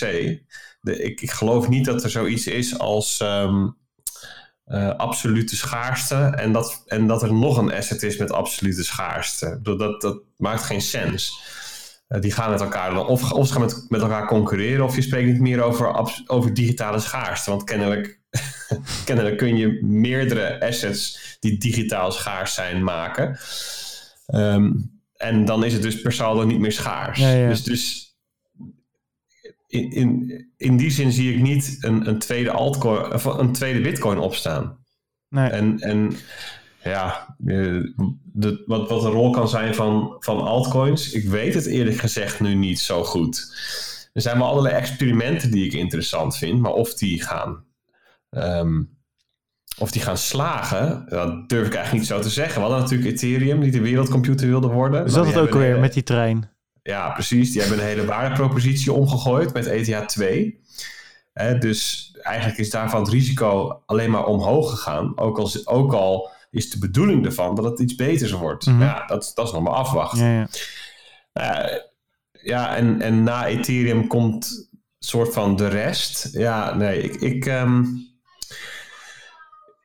ik, ik, ik zie dat nog niet zo hetzelfde als, ehm, als grondstoffen zoals olie of zilver of, of goud. Kijk, bij, bij olie heb je daadwerkelijk wel echt een nut dat zich bewezen heeft. En, en ehm, de waarde van olie keldert natuurlijk ook naar nul toe als we ineens een nieuwe technologie bedenken waardoor olie niet meer nodig is. Ja, dat hebben we gezien laatst. Toen was het geen nieuwe technologie, maar toen was er gewoon even geen olie meer nodig. Nou ja, met- precies, dat is dan nog vraag aan aanbod, maar als het echt obsolete is, het wordt dus niet meer gebruikt. Maar dan gaat de prijs dus naar nul. Dus je ziet, we hebben gezien wat er gebeurt als het even niet gebruikt wordt. Whatever the, eh, whatever the, whatever the reason. whatever, ja, whatever the reason uiteindelijk wel natuurlijk. Hoe is het in Ja, het Nederlands? ja, Ja, whatever de reden, dat bedoel ik even. Maakt niet uit wat de reden was erachter. Of het nou technologie was of dat het een wereldwijde pandemie was waardoor minder olie nodig was. De prijs gaat gewoon naar nul uiteindelijk. Ja, of, of, eh, of iets, iets net boven de nul. Het hangt er, hangt er helemaal vanaf wat mensen er nog voor over hebben. Of eronder bij olie. ja, dat kan ook nog, ja. Ja, dat had bij olie ermee te maken dat je het moet opslaan. Er Ja, moet klopt. fysieke ruimte in. Hè, dus dat, dat, dat zal natuurlijk bij digitale tokens wat minder zijn. Er past de oneindig in je portemonnee natuurlijk. Nee, dat is, dat is waar. Dat is een goede toevoeging. Ik sla hem iets te ver plat. Nee, kijk, weet je wat het is met die bitcoins en shitcoins, jongens? Ik vond het wel een goede vraag. Ehm, omdat ik hier al een tijdje een beetje over, eh, een beetje over nadenk. En ehm, er is natuurlijk best wel, er wordt best wel veel. Ik ben eigenlijk alleen nog maar met bitcoin bezig de laatste tijd. Ik denk dat dat voor mij een beetje het ding is dat. Ja, eh, bitcoin is schaars, maar er is één ding wat, wat voor mij nog schaarser is en voor alle mensen ter wereld, en dat is tijd. Je kan maar een bepaald aantal dingen doen eh, in, in een dag. Eh, en ja, ik ben nu veel met Bitcoin bezig. Met Bitcoin, met leren over de monetaire eigenschappen, filmpjes maken, podcasts maken, eh, Lightning dingen doen, leren programmeren. Het zit vol of zo, weet je. Mijn dag zit vol. En ehm, dan vind ik het nog wel interessant om die andere dingen te bekijken. Alleen ik heb er gewoon niet zoveel tijd voor. En het heeft voor mij gewoon een lagere prioriteit. Dus voor mij is het niet zo, bitcoin is alles en de rest is shitcoin. Ik sta er ook helemaal niet zo in dat de rest per definitie een scam is. Alleen het zijn voor mij ook... Kijk, als je het op dezelfde merits of op dezelfde eh, eh, soort van ehm, eh, lineaal gaat vergelijken... Ja, dan kom je erop uit van ja, het is een scam of het is een shitcoin. Want het zijn compleet andere dingen. Kijk, ik denk inderdaad, precies wat jullie zeggen, sluit ik me helemaal bij aan. Digitale schaarste kan maar één keer bestaan. Althans, weet je, misschien dat we ooit nog eens een keer eh, als een soort cyborgs aangekoppeld liggen in een bad met eh, digitale vloeistof of zo. Dat we tegen die tijd iets nieuws bedacht hebben wat bitcoin eh, verslaat. Dat zie ik maar niet de komende 40 jaar op een blockchain, zeg maar. Dat zie ik niet gebeuren. Dus oké, laten we er even vanuit gaan. Bitcoin is dit enige digitale, echt digitale en echt schaarse goed. Ja, dan kan het perfect functioneren als zeg maar waardeopslag, als een soort digitaal goud, whatever. Ja, maar sinds wanneer is Ethereum of Polkadot of whatever the fuck er nu het, het, het token van de dag is, is, pretendeert ook niet echt digitaal goud te zijn of zo. En het is compleet iets anders. Dus het zit Bitcoin ook niet echt dwars of zo. Het pretendeert ook niet echt geld te zijn. Kijk, die Bitcoin Cash War, die kan ik begrijpen. Want die zeggen, of gulden uh, in ons eigen landje, die zeggen ja, wij zijn de Nederlandse Bitcoin. Of wij zijn de echte Bitcoin in het geval van Bitcoin Cash. Ja, dat snap ik. Dat is smaad, dat is laster, dat, dat, dat, is, uh, dat is fout, dat is fraude. Dat is, dat, daar wil je wat tegen doen, helemaal eens. Maar voor veel andere dingen, ja, kijk, Vitalik heeft zijn pre-mine. Ja, er zijn heel veel bedrijven waar de eigenaars nog een gedeelte aandelen hebben. Ik denk dat dat veel meer in die hoek ligt. dat je het vergelijkt wat Bert zegt met een bedrijf en dat je kan kijken naar return on investment en naar EBITDA, whatever voor, voor, voor, voor termen ze daar gebruiken en dividend en, en dat soort ouderwetse dingen. En dat is wat anders dan Bitcoin. En daarvoor word ik soms een beetje moe van, van, die, van die shitcoin dingen. Terwijl ik wel hetzelfde gevoel had. Weet je, ik zat laatst ook wat andere podcasts te luisteren en wat andere dingetjes. Um, en, en ook gewoon mensen die weer naar me toe komen en dan inderdaad vragen wat ik van Polkadot vind of zo. Ja, weet je, I don't know. En, het boeit me ook eventjes helemaal niks. Ik zit vol in andere dingen. Met, met Bitcoin ben ik bezig. Dus weet je, dus ik heb het gevoel wel. Alleen ik noem het dan geen shitcoin. Ik weet het gewoon er te weinig vanaf en het boeit me gewoon even niet. Dat is meer mijn houding een beetje of zo. Nee, maar dat is toch ook prima. Kijk, de vraag was van, uh, van Jan, van kan iets anders waarde hebben? Daar kunnen we het even over hebben. Eh, verder denk ik dat je een hele duidelijke hiërarchie zit. Dat ziet dat Bitcoin eigenlijk het enige project is dat bewezen heeft dat het bestaansrecht heeft op lange termijn. En Ethereum, die komt misschien als een tweede, dat die zegt van nou, daar, daar die hebben. Die, die, het is een beetje uit de categorie. Ik voel nattigheid maar als je je hand onder de kraan houdt, je voelt nattigheid. Maar als je dan kijkt die hand, dan zit er ook eigenlijk niks in nog. Beetje dat is het gevoel bij Ethereum. Van, ze hebben wel iets, maar wat het nou precies is, is nog onduidelijk. Het zijn experimenten. Dus dat is, dat, dat is veel minder mature, veel minder volwassen dan Bitcoin. Veel minder zeker ook. Veel hoger risico. Veel meer kans dat het nog ergens strandt of mislukt of crasht. Nou, ga je dan nog een stap verder naar bijvoorbeeld de DeFi tokens of projecten die zeggen, ik ga, we gaan Ethereum killen. Ja, die zijn natuurlijk nog experimenteler. Uh, dus daarom zeg ik al tegen iedereen van, ja, um, koop bitcoin, punt. Ja, maar ik wil ook iets met alts. Nou, oké, oké. Als je dan iets wil, doe your own research en doe dan een klein gedeelte en begin dan eerst eens te kijken naar Ethereum. Ja, maar, ja, maar ik, wil ook, uh, ik wil ook van die penny stocks, van die small caps. Um, want die gaan nog keer 100. Zeg, nou, kans is ook heel groot dat ze naar nul gaan. Dus doe je research en als je het dan doet, doe het dan misschien met 1% ja, en ik, en ik denk ook daar, Bert, dan heb je... want ik hoor daar, ja, kijk, weet je, ik herken daar mezelf ook wel een beetje in van vier, vier, drie, vier jaar terug. Kijk, ik heb wel zoiets, mensen mogen ook best naar me toe komen en zeggen van ik wil inderdaad van die penny-achtige stocks en van, van, die, van die low cap, uh, whatever coins. Maar hou dan even op met dat verhaal van dat dit de, de Uber op de blockchain is. Weet je, hou je back. Zeg gewoon, ik wil veel geld hiermee verdienen. Ik hoop dat het keer 100 gaat. Prima, stop daar, weet je. En, en bespaar iedereen het gezever dat het daadwerkelijk iets, uh, iets revolutionairs is. Ja, maar goed. doe wat jij, wat jij doet met Lightning.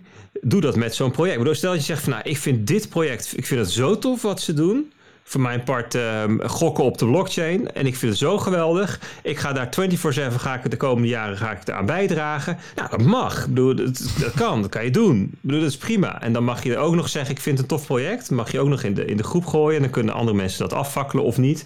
Maar, um, uh, maar het is of dat. Dus dat je er helemaal in gaat en, en het begrijpt en eraan bijdraagt enzovoort.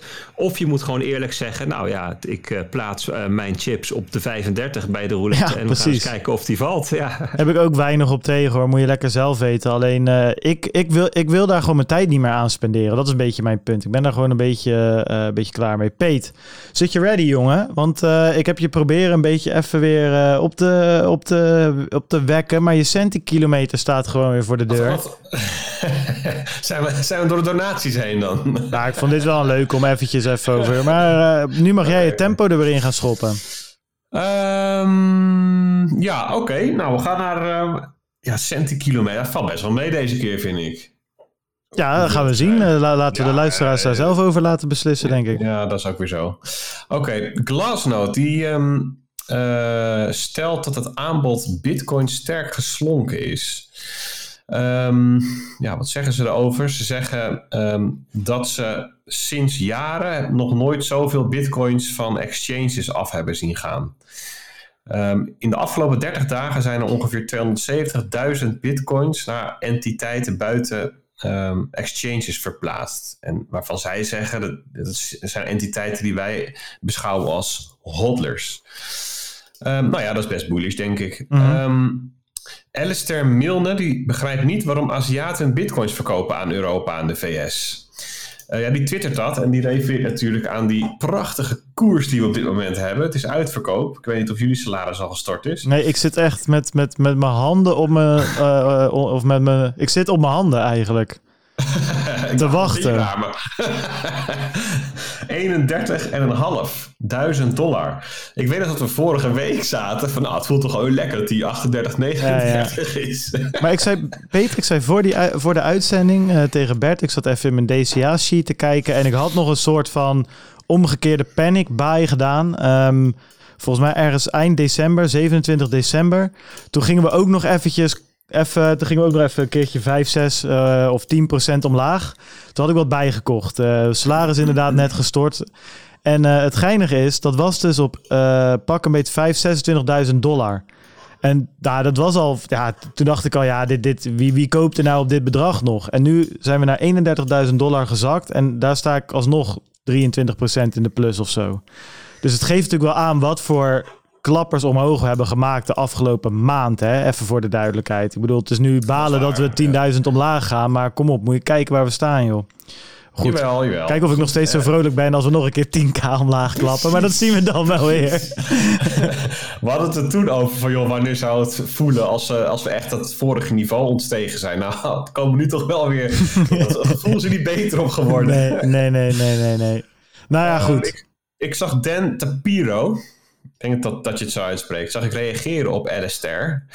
Um, en die zegt dat, uh, dat hij denkt, uh, die heeft kennelijk um, ervaring of informatie over de Aziatische markt, dat die markt nog niet helemaal um, hersteld is, psychologisch gezien, van de verliezen die ze hebben gehad in, de ja in 2008, 2019.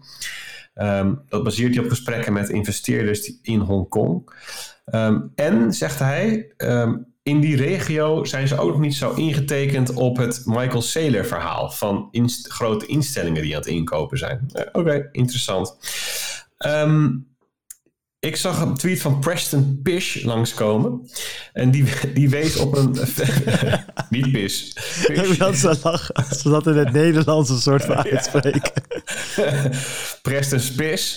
Ik hoorde dat gisteren ook in de Bitcoin Show. Die had het over NY Dick of zo. Dat is ja, gewoon ook een of andere organisatie, whatever. Moest ik ook zo lachen. NY Dick. Dat was geniaal. Ja, ja. Ja, ik weet wel een beetje hoe jouw hoofd werkt. Maar het is inderdaad wel grappig. Nou, hetzelfde als dat van jou. It takes one to know one, zeggen ze dan.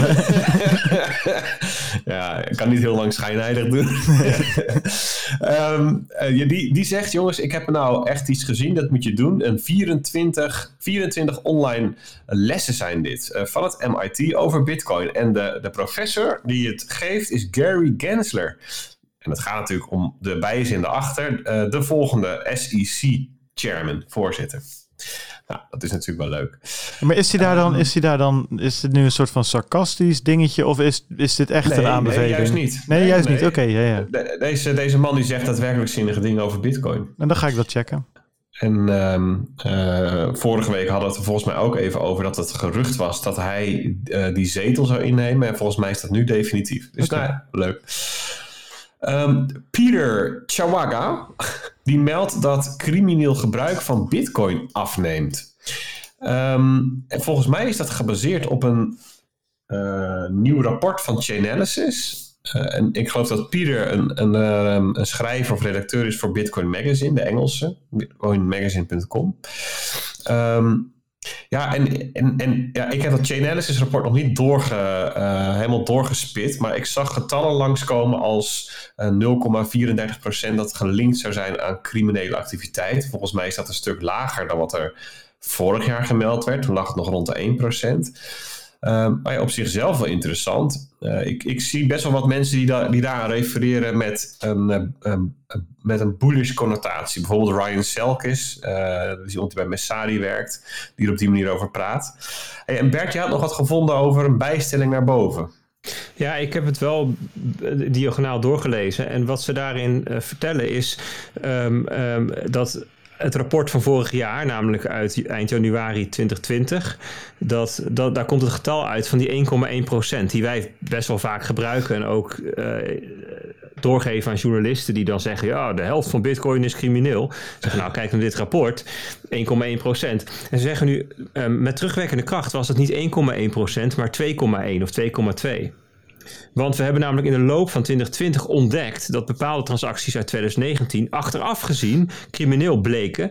En dat waren hoofdzakelijk transacties rondom de plus token scam. Hmm. Blijkbaar toen ze dat rapport maakten in januari 2020 wisten ze nog niet dat die transacties plus token gerelateerd waren. Of dat, dat, ja, dat het ermee te maken had en nu wel. En dus achteraf gezien um, moeten zeggen, en dat is natuurlijk best wel, dat plus token was natuurlijk enorm. Ging over volgens mij honderdduizenden bitcoins of zo. Ik weet niet meer precies, maar ja, heel veel grote getallen. Ja. Echt bizarre getallen. Uh, ik bedoel, ik, ik, ik, je vertelde net over uh, um, um, Dan Tapiero, die dat had over Azië. Ik dacht, uh, nog niet hersteld, ja, van de plus token scam. ja. Want het was vooral, het waren vooral Aziaten. Aziatische landen waar dat plustoken heel groot was. Maar um, dat betekent dus ook dat die 0,34 procent, want dat, dat, dat zeg je goed, dat is de uitkomst van dit jaar, dat dat misschien dus ook nog wel een onderschatting is. En dat zeggen ze er ook zelf bij, die 0,34 procent. Dat is laag. Um, en wij denken dat het, bedoel, dit is wat we weten, maar het zou dus kunnen zijn dat in, in de loop van dit jaar dat we erachter komen, de terugwerkende kracht, dat bepaalde dingen toch nog wel iets crimineels in zich hadden, dat het nog iets hoger wordt. En ze gebruiken dan 2020 als voorbeeld voor hoe dat gebruikt is. Dus, dat is, dus ik denk dat het goed is van, voor onszelf allemaal, wij als community, want dit, dit getal gaan we misschien nog vaak gebruiken. Van um, um, het is gedaald ten opzichte van vorig jaar. Het is 0,34% wat we nu weten. En, de, en een kleine nuance kan dus zijn dat het eventueel nog wat stijgt. Het is eigenlijk gewoon een pijlwaarde met de informatie en de kennis die je nu hebt. Ja, eigenlijk is de enige, het enige wat met dat getal kan, kan gebeuren is dat het oploopt. Want als er nieuwe informatie uh, vrijkomt, bijvoorbeeld uh, er worden identiteiten um, gematcht aan adressen, wat voorheen niet kon, dan weten ze, oh, dat is kennelijk toch iets wat voor criminele doeleinden was en dus gaat het percentage omhoog. Ja, precies. Goede toevoeging. Um, we gaan door naar Coinmetrics. Die had het over um, Ethereum en smart contracts. En uh, die stelden dat ze weer overuren aan het draaien zijn. En um, ja, er zijn dan opmerkingen over. Bijvoorbeeld, is DeFi misschien weer momentum aan het krijgen? Uh, decentralized finance. Hè? We hebben vorig jaar gezien dat dat ja, nou, iets meer dan kortstondig dat daar echt wel heel veel leven in de brouwerij was. Uh, Coindesk Research die uh, hint daar ook een beetje op dat het misschien weer te gebeuren staat. Ik weet het zelf niet. Ik heb de afgelopen maanden niet bovenop dat wereldje gezeten. Ik weet niet, jullie wel? Ik ben nadat ik mijn airdrop ben misgelopen, heb ik DeFi voor altijd opgegeven. Dat is natuurlijk niet slim dan, hè? Nee. de volgende weer. Ja, nou ja, goed, whatever. ik denk dat Bert er meer zinnigs over kan zeggen. En dat gaat hij ook zeker doen nu, Bert. Dan komt hij, de spreekbeer. Ik gooi hem naar je toe. Ja. de, de, de roze microfoon. Ja, ja, ja. Um, de, de, het is nog niet hot. Het is nog niet zo, zo hot als in um, juli, augustus, september. Toen gebeurde natuurlijk ontzettend veel. Heel veel projecten die tegelijkertijd met allerlei uh, dingen live gingen. En, en, en, en uh, communities die um, met elkaar interacteerden. En een van de, uh, ja, laten we zeggen, drempels waarover gestruikeld werd toen, dat was de capaciteit van Ethereum. Het, Ethereum-netwerk was gewoon overbelast. Je moest uh, 70, 80 dollar betalen voor een swap op Uniswap op dat soort momenten om hem binnen een uurtje door te laten gaan. Nou, dat is wel heel extreem, maar dat soort dingen hebben we wel meegemaakt. Dat is nu niet meer. Het is, dat is er een beetje uit. En Um, nou ja, dan was natuurlijk de opmerking van ja, moeten we wachten totdat Ethereum 2.0 er is. Ja, dat duurt natuurlijk wel een tijdje. Maar intussen zijn allerlei projecten zelf ook bezig met andere layer 2 oplossingen. Um, Loopring is zo'n project die uh, um, zero knowledge uh, roll-ups hebben. Dus uh, een van de twee soorten roll-ups. En uh, die zijn um, volgens mij op 1 januari, volgens mij begin dit jaar zijn ze live gegaan daarmee. En dus een gedeelte van hun, uh, van hun transacties zit nu op, op laag 2. En daar hebben ze ook wat rondom gedaan. Nou, dus dat, dat, dat experiment loopt nu. Optimism, dat is een clubje die maken optimistic roll-ups. Is een andere vorm van roll-ups. En die hebben uh, sinds september hebben ze gepilot met Synthetics. En die verwachten ook komende maanden um, groter live te gaan daarmee. Um, en Hermes is ook een optimistic roll-up uh, technologieclubje schijnt, die, waar uh, deze week Tether mee is gaan uh, oh. werken. Dus, de, dus het versturen van teters. er zijn en, en, en er zijn meer DeFi-projecten die dus um, roll-up-achtige um, layer 2 technologie aan het integreren zijn in hun producten, zodat een gedeelte van de interacties met zo'n product op een tweede laag gaan. Nou, dat maakt het dus sneller, goedkoper en het maakt ook dat de eerste laag ontlast wordt, zodat dat ook goedkoper en sneller wordt. Dus um, ja, ik verwacht zelf eigenlijk dat um, pas als dit eh, weer goed werkt, eh, dus misschien wel uh, kwartaal 2 of zo, dat dan DeFi ook echt weer ja. uh, tractie krijgt. Maar goed, dat is echt puur speculatie. Maar ik vond het wel leuk. Ik dit, dit, dit, dit, heeft, dit is zeg maar wel in, in, de, in de enorme hoe, grote hoeveelheid aan berichten over al die DeFi-projecten, vond ik dit wel signaal. Ja, en dat, dat, daar wil ik wel wat aan toevoegen. Want dit is nou precies wat ik bedoel van... Wat ik dus nou weer... Dat kan ik dus niet begrijpen dat uh, als je bijvoorbeeld heel erg geïnteresseerd bent in hoe Bitcoin technisch werkt en hoe Lightning technisch werkt, dat je dit dan niet interessant vindt. Dat je je niet over het feit heen kan zetten dat je het niet eens bent met de monetaire eigenschappen van Ethereum. Ik kan die best wel goed naast elkaar zien. Ik ben geen Ethereum holder. Ik zou het ook niet zomaar voor de lange termijn per se holden. Ik zie daar echt wel andere uh, uh, eigenschappen dan met Bitcoin. Ik zie dat niet als een store of value. Ik zie dat veel meer als een aandeel in het bedrijf Ethereum of whatever hoe je dat zou willen noemen. Maar die proof of stake die ze gaan doen en uh, die sharding, whatever chain die ze gaan maken en in de, dat soort dit, die, die, die zero knowledge proof-achtige setups privacy technisch is dat hartstikke interessant hoor. Zo'n zero knowledge proof-achtige uh, manier van werken. En als dat technisch uiteindelijk werkt op Ethereum, nou ja, dan kan dat waarschijnlijk ook wel op de een of andere manier in Bitcoin gebouwd worden of niet. Whatever gaan we dan wel weer zien. Maar technisch gezien, dit soort e- experimenten, ja, vind, vind ik best wel, uh, best, best wel leuk om te volgen eigenlijk. En uh, ik zie niet hoe dat zou kunnen bestaan naast, naast een, een soort van Bitcoin Bitcoin-achtige, ja, Bitcoin-only approach dan niet. Maar ja, ik snap niet zo goed dat mensen zich zo hard hiervan afzetten, puur en alleen maar omdat ze, omdat ze Ethereum een shitcoin vinden of zo. Weet je, technisch vind ik dit best wel interessant om gewoon te volgen. Ja, dat, dat is het ook. Ik hoorde een keer een gesprek tussen uh, Vitalik en um, een van de Bitcoin Core devers. En die, uh, en die, die gast die zei ook van, ik vind het jullie, jullie halen bij Ethereum best een aantal kastanjes uit het vuur. Die voor Bitcoin ook heel interessant zijn. Waar wij bij Bitcoin nooit live mee zouden kunnen experimenteren. Omdat het veel te risicovol is. Krijg je er nooit door. Maar er zitten best wel wat cryptografische dingen in die jullie nu eh, bouwen en ontdekken. Waarvan wij als Bitcoiners devers best wel geïnteresseerd zijn in wat eruit komt en hoe dat werkt enzovoort. Dus die, die, die uh, zeg maar op het niveau van de techneuten is de, is de interesse er ook best wel. Ik weet ook dat er best wel wat Bitcoin Core devers zijn die met interesse naar Zcash kijken. Hoe dat werkt voor de privacy zaken. Het is niet dat ze eraan gaan zitten bijdragen of publiek zeggen, joh, dat is een goede munt of zo. Maar de technische interesse, ja, die werkt wel anders dan, dan het geschil op hoger, op, op, ja, op zeg maar minder technisch uh, ja, ik denk dat je het een beetje moet zien als, weet ik veel, een voetbalclub. Ik bedoel, je kan ook heel erg fan zijn van Ajax en, en, en Feyenoord een, een slechte club vinden met slecht beleid. En dat wil je niet. En de Kuip is lelijk en Rotterdam is een klote stad. Ja, dat zou je niet weten waarom je dat zou denken. Maar het hypothetische geval dat je denkt dat het een lelijke, ver, verrotte, uh, Duits aanvoelende stad is, dat kan. Maar ja, weet je, als er dan een goed voetballetje bij Feyenoord rondloopt, kan je alsnog wel genieten van een paar acties. En zo zie ik dit ook een beetje. Dat ik denk van ja, weet je, een beetje in de gaten houden. Het enige waarvan ik me kan voorstellen dat mensen, uh, waar mensen aanstoot aan hebben genomen, is de manier waarop ze voor funding hebben gezorgd. Ja, die, die uh, pre-mine bedoel jij. Bijvoorbeeld. Ja. en en dat, dat ze daar bepaalde principes, principiële bezwaren tegen hebben. Um, ja, of dat crimineel is geweest of iets dergelijks, I don't know. Uh, en, maar goed, wie ben ik om iemands principes te, te beoordelen?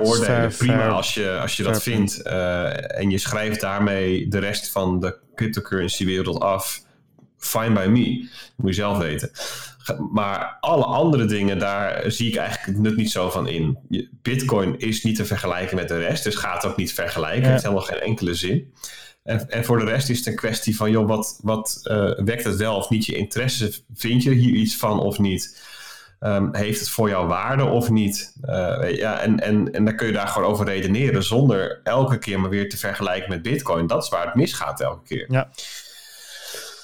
Oké, we gaan. Um, Pak hem gewoon op, Peet, want ik lul weer door je kilometer heen. We gaan uh, even naar de BlackRock. Welcome to the BlackRock. Um, ja, we hebben volgens mij eerder, ik weet niet of dat vorige week was, in ieder geval een paar weken geleden, wel wat gezegd over de CEO van BlackRock en ook over de CIO van BlackRock. Die deden toen bullish uitspraken over Bitcoin. In 2017 zeiden ze volgens mij nog, daar willen we niks mee te maken hebben, maar het was helemaal omgeslagen.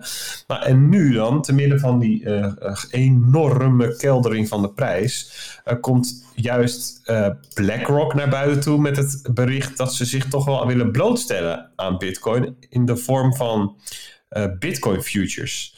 Um, ik lees even voor. BlackRock, the world's largest asset manager with 7.8 trillion under management, appears to have granted at least two of its funds the ability to invest in Bitcoin futures.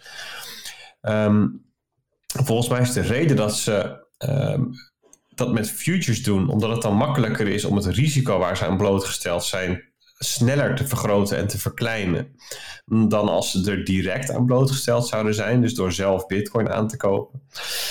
Um, ik heb best wel wat tweets hierover gezien. Dit werd wel met uh, open armen ontvangen, maar ik moet eerlijk zeggen, um, het redde het niet tegenover. Eh, want gedurende deze week zagen we toch wel een omslag in het sentiment uh, online. Veel, best wel veel FUT. Verschillende soorten FUT. En wat is FUT voor de nieuwkomers?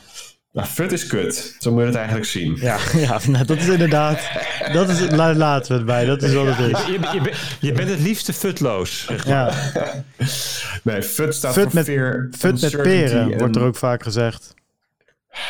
Zit hij gewoon... Doe ik het eindelijk serieus, gaat hij er gewoon nog een slechter grap doorheen. Oké, okay, fear, uncertainty en doubt staat het voor. Um, ja, en, en uh, dat... Je, misschien is het wel een goed teken, want dat bevestigt wel dat je een boelmarkt ziet. Vaak zie je in een, in een, uh, in een markt, uh, in een boelmarkt krijg je veel aandacht. Uh, dus Bitcoin komt bij journalisten langs, zijn meer bedrijven die wat meegenomen, mensen enzovoort. En daarmee neemt ook de negatieve aandacht toe. In de vorm van kritiek of aanvallen. Maar ook in ongefundeerde uitspraken. En um, ja, die kunnen twijfel brengen in de markt. Uh, en volgens mij las ik dat er zijn bedrijven die zeg maar, het sentiment meten en dat uitdrukken. En ik geloof dat we nu wel echt tegen de bovenkant van, van de FUD-meter aan zaten. Van er zit een grote twijfel nu in de markt. Door dus allerlei soorten berichten die daar verantwoordelijk voor zijn. maar daar komen we straks nog even op. Um, dus dat nieuws van BlackRock, dat verdween daar een beetje in. Nou, Blockport die meldde dat Grayscale daar lak aan heeft. Die gaat gewoon door met kopen. Um, even... Oh ja. Ja, veel Oh, ook ja, volgens dus- mij. Voor mij drie keer wat er gemined wordt of zo. Ja, dus hier le ik lees even voor. Grayscale adds a further uh, seven- 7800 Bitcoin worth 305 million over the past 24 hours. Uh, nou, dat gaat wel lekker dus. De afgelopen 30 dagen hebben ze ongeveer 65.000 bitcoin aan hun fonds toegevoegd. Zijn lekker aan het 2,2 stekken, die jongens. dollar. Zijn lekker aan het stekken, dus al die verkopers nu, die vullen volgens mij de potjes van Blockport. Um, dus die spinnen daar alweer garen bij. Um, ik, ik zag ook dat Michael Saylor, ja, die, die was wat minder aanwezig. Um, met, met, met kekke tweets. Maar ik denk dat dat komt omdat hij een nieuw beroep heeft gevonden. Want hij geeft tegenwoordig lezingen aan bedrijven. Ja, of aan CEO's of aan strategen daar die misschien iets willen met Bitcoin. Hij heeft er een hele. Uh, heeft ook alle resources bij gemaakt. Dat, dat, staat dan op. Uh, nou, die, dat is niet een hele mooie link, Michael C. Daar moet je nog wat aan doen. Um, nee. Hele lelijke de pagina heet Bitcoin for Corporations. En daar staat eh, eh, bij: eh, Find out how you can harness the power of Bitcoin to improve your products, grow your company and create shareholder value. Dus hij, hij is zich nu een beetje aan het richten op de zakelijke markt in plaats van de retailers die nu toch allemaal al achter hem aanlopen. Ehm, om te kijken of hij de bedrijven in dezelfde rij kan krijgen, denk ik. Ehm, en in de tweet waarin hij dat aankondigde, zei hij: Corporations adopted oil, electricity, automobiles en de internet. Bitcoin is next. Nou, mooi eh, als dat die prijs weer omhoog kan laten gaan. Ik ben helemaal voor. Eh, ik zag ook dat de IMF met een oproep kwam. Die zeiden: Spend as much as you can. Eh, dat is geloof ik de kop geweest die Reuters in een bericht heeft gegeven ehm, aan een nota of een, een statement die vanuit de IMF is gedaan. Ehm, ja, dat, dat haakt dan eh, weer mooi in op, ehm, eh, op het sentiment dat we tot aan deze week eigenlijk alleen maar hoorden, was dat van de, de money printer. Ehm, Daar ga ik me trouwens binnenkort eens even in verdiepen. Dat vind ik nou in die money printer.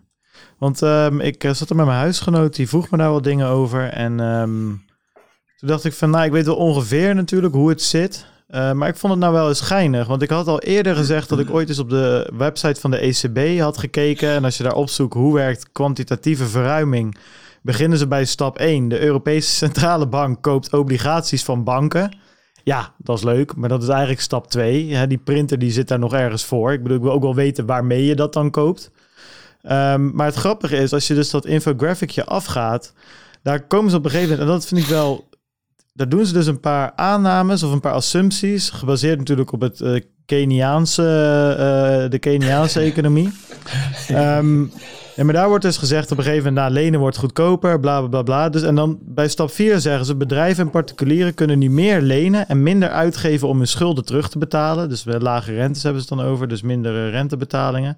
En dan stap 5, daarom wordt consumptie en investeringen gestimuleerd. Dus ik vind het wel grappig. En dan hier staat weer hogere consumptie en meer investeringen ondersteunen economische groei en werkgelegenheidscreatie. Dus dat is echt... Zeg maar, dat past weer bij het IMF. Van ja, jongens, uitgeven, uitgeven, uitgeven en consumeren. En, en liefst, liefst gisteren nog dan, dan vandaag eigenlijk, als het even kan. En dat is natuurlijk een, precies een compleet andere kijk op, ehm, op dat. Ja, dat is een hele specifieke kijk op de wereld en de economie, zeg maar. En ik, ik, vind dat, ehm, ik vind het wel interessant om daar eens even wat verder op in te duiken. Dus dat ga ik eens doen binnenkort. Dan ehm, moet je wel goed blijven graven hoor. Want ook dat verhaal van de ECB, wat ze zelf daar zeggen, dat is eigenlijk nog niet eh, hoe het echt werkt. Achter de schermen is het gewoon nog weer een stukje ingewikkelder. De plumbing, zeg maar, het loodgieterswerk van het financiële stelsel is gewoon wel ingewikkeld. En het verschilt ook weer hoe dat in Amerika gaat en in Europa. Maar ik heb wel eens wat podcasts eh, erover gehoord. Waar iemand die daar echt gewoon zeg maar, vuistdiep in zit, die echt expert is op dat gebied, dat, dat uitlegt. Ja, dat is, dat is moeilijk te volgen zelfs, gewoon hoe, hoe, dat, hoe dat precies gaat. En dan kom je er ook achter dat ehm, het, het, het feit dat zo'n centrale bank staatsobligaties opkoopt, dat dat niet per se het probleem is. En want dat, dat, dat is eigenlijk gewoon, dat, dat, dat wordt ergens van gekocht. Stel dat je een pensioenfonds hebt en die verkoopt staatsobligaties aan de centrale bank in het kader van eh, QE. Dan, dan heeft het pensioenfonds eerst staatsobligaties en daarna heeft het cash. Dus het verhaalt eigenlijk de ene vorm van geld. Want staatsobligaties die worden eigenlijk min of meer gezien als, als cash, hè, cash equivalent. Het verruilt eigenlijk de ene vorm van geld voor de andere. Dus wat, bedoel, wat is er nou eigenlijk gebeurd? Nou Dus ja, het dat de markt eigenlijk- verpest is. De markt voor, Ja, nee, dus- eh, ja, voor, voor leningen. Omdat er dus een partij klaar staat waarvan, de, waarvan private banken weten en pensioenfondsen... die kopen alle troep die ik, die ik van de overheid koop. Bedoel, Normaal, Ja. normaal is er natuurlijk een pensioenfonds gaat niet zomaar staatsobligaties van Griekenland kopen, weet je. Dat, je bent wel gek als je het doet. Totdat er een centrale bank klaar staat waarvan je zeker weet dat ze het daarna weer van jou overkopen. Maar Ja, goed, ik dus sla hem waarschijnlijk wel er? weer wat te plat, maar... Ja, dus, dus op een gegeven moment worden die staatsobligaties van Griekenland krijgen een lage rente en worden dus ook minder aantrekkelijk. Ik bedoel, ik geloof dat staatsobligaties van Portugal nu onder de 1% rente zitten, of misschien negatief. Terwijl die een staatsschuld van 150% hebben. Ik dat is best wel bijzonder. Ehm, en, dus, en, dat is logisch, want staatsobligaties bezitten betekent dus dat ze meer waard worden. Dus er zit een hele dynamiek omheen. Dus waarom zouden ze het dan verkopen? Als ze weten dat dat ze meer waard zullen worden, verkopen ze ze toch. Dus daar zit, ja, het is, het, het, het is fijn als je daar eens induikt, maar wel echt diep duiken dan. als je me er nooit meer over hoort, dan, uh, dan weet je dat, het, uh, dat ik verzopen ben nee, in de anders QE. word je gewoon weer gefopt. Anders word je gefopt door de mooie marketingpagina's van de ECB. Zal ik nee, maar ik vond juist die marketingpagina, die triggerde mij juist, omdat ik daar dingen mis. Zeg maar, overal waar je leest, wat is de definitie van kwantitatieve verruiming, is dat er wel geld uh, geschept wordt. Uh, of ja, geschept, ja, geld geschept. En um, letterlijk geschept uit het kantoor van Lagarde. Maar um, nee, maar dat, dat, dat, mis, dat mis ik hier. En er zijn nog wel meer dingen. Kijk, ik vond, ik, wat ik wel een interessante kijker op vond. Uh, ik weet niet meer waar ik dat uh, las, maar dat heb ik ook opgeslagen. Um, dat was na de Eerste Wereldoorlog of zo, of na de Tweede Wereldoorlog, ik weet niet meer precies, begon Amerika ook, die, uh, ook heel veel schulden te maken, schuldpapier uit te geven. En dat hebben ze daarna gewoon hergefinancierd met nieuw schuldenpapier. En als die inflatie maar onder jouw uh, groei van je eigen economie ligt, of andersom, of whatever. Um, dan op een gegeven moment dan, dan valt eigenlijk die oude schuld gewoon weg. Omdat het door de 10, 20, 30 jaar heen eigenlijk geen zak meer waard is. En inmiddels is jouw economie zo gegroeid dat je er weer goed voor staat met alle uh, graadmeters die we hebben. Ja, en daar ben ik met je eens, Bert, joh, dat, dat is ook hartstikke lastig. Maar ik dacht misschien kan ik eens zo'n infographic één stukje verder nemen en eens even uitzoeken van oké, maar is er nou nog wat meer over te vinden of zo? Of kunnen we daar nog wat mee? En is het echt een money printer of, of is dat toch wat genuanceerder? Nou ja, sowieso dat laatste, maar ja, goed, weet je, we lezen toch wel dat er, zes, dat er honderden miljarden bij komen elke keer aan steunpakketten. Dus het moet ergens vandaan komen en het moet ook ergens heen gaan. Dus nou, ik dacht misschien, misschien een klein deep diveje inderdaad. In het, in het, in het pierenbadje. Ga verder, uh, Peet. moet je wel oppassen dat je je nek niet breekt. Ja. Um, ja, ik, ik kwam ook um, um, Guggenheim tegen. Die kennen we nog wel als fonds. Uh, die investeerde in Bitcoin, dat was toen groot nieuws. Uh, ik geloof dat ze toen een, een grote prijsverwachtingen hadden. Um, en die Scott Minert die komt er toch een beetje van terug nu. Die zegt eigenlijk ben ik niet meer zo heel bullish. Ik denk dat we nu eerst helemaal gaan retracen naar 20.000 dollar, nou weer terug. En dat uh, die 42.000 van, van dit jaar het, ook het hoogste punt is voor dit jaar. Dus, dus die, ja, als die mee had gedaan met onze voorspellingen, dan zat hij aan de lage kant, laat ik het zo zeggen. hij is tien keer minder bullish dan Bart. Uh, ja, en ik zie dat iemand, ik zie hier in de show notes dat iemand ook nog even in de Bijbel heeft zitten neuzen. Wie Ja, was ik- dat? Zou je niet verwachten tussen jullie twee, maar ik was het. nee, ja, ik vond het grappig. En ik zie dat Bert ook nog, of eh, ja, ik denk dat Bert dat was een eh, linkje van het Nederlands Dagblad heeft ge- er- erbij heeft gepost. En ik, ik zie daar wat heel leuks in de titel staan. Eh, kijk, weet je, de echte hardcore bitcoiners zijn toch weer van ja, tegen de big blocks. En ik vind dat Nederlands Dagblad dat gewoon leuk verwerkt heeft. Die zeggen gewoon in de titel Bitcoin blokje. Bitcoin blokje 666.666 blijkt ineens een bijbeltekst te bevatten. En ze zeggen ook, hè, een introductietje, zeggen ze alle transacties worden digitaal verwerkt in een zogenoemde blockchain. Een lange reeks van blokjes. Informatie die niet meer Om gewijzigd te kunnen voorkomen worden. dat je, dat je denkt dat het BSV is. Precies, ik vind het wel mooi. Ik ga, te- ik ga ook over blokjes praten. Bij BSV hadden ze ook gewoon de hele Bijbel erin gezet, hè? Als dat... eh, Ja, ja. maar Bitcoin blokje, dat, dat maakt het toch opeens een stuk minder eh cyber hornet-achtig, toch? Ja, precies. Heel schattig Maar ik inderdaad. vind het wel mooi dat de ND'ers gewoon small blockers zijn. De ND'ers. Ja, precies. Ja, ja, ja. Nederlands, ja. Maar ik vind Bitcoin blokje, Ik zag ja. het in de Telegraaf dat het nu ook stond. Dus dat Ja, is ja, allemaal ja. ontdekt. Ja. Ja, klopt. Het is natuurlijk ook een geinig dingetje. Het is een beetje hetzelfde als wat we bij het Genesis blok zagen. Hè? Banks on the brink of bailout was dat geloof ik, of iets in die richting. En wat er nu in staat, en nou, ik heb hem er niet voor niks ingezet. Want ik vond het leuk om dit stukje mee af te sluiten. Omdat het ook een beetje mijn voornemen was eigenlijk. Wat ik een paar weken terug had aangegeven, ook in de live show. Ehm, do not uh, be overcome by evil, but overcome evil with good. En ehm was ik het wel mee eens, joh. Dat, vond, dat vind ik wel vet. Vind ik wel, dat, vind ik nou een goede mooie instelling. levenshouding, toch? Ja, het is niet altijd even makkelijk. En Nee, ik, bedoel, ik dat denk, zeker niet. denk ook zeker dat je, dat je good kan zijn en nog steeds kritisch, eh, slash eh, enigszins argwanend of whatever. Ehm, maar ik kan me er wel in vinden, joh. Ik denk ook van, eh, we blijven soms met z'n allen een beetje te lang hangen in het donkere, duistere eh echo chambertje van onszelf, waar elke instantie eh, met enige vorm van macht per definitie onderdeel is van een, greet, een groter, corrupter, netwerk of zo, die ons allemaal naar de kloten willen helpen. Nou, nee, laten we dat gewoon eens anders denken. En ik heb ook zoiets van, ja jongens, als we overal op Twitter met z'n allen tegen iedereen die een beetje anders is dan onszelf zeggen, have fun staying poor.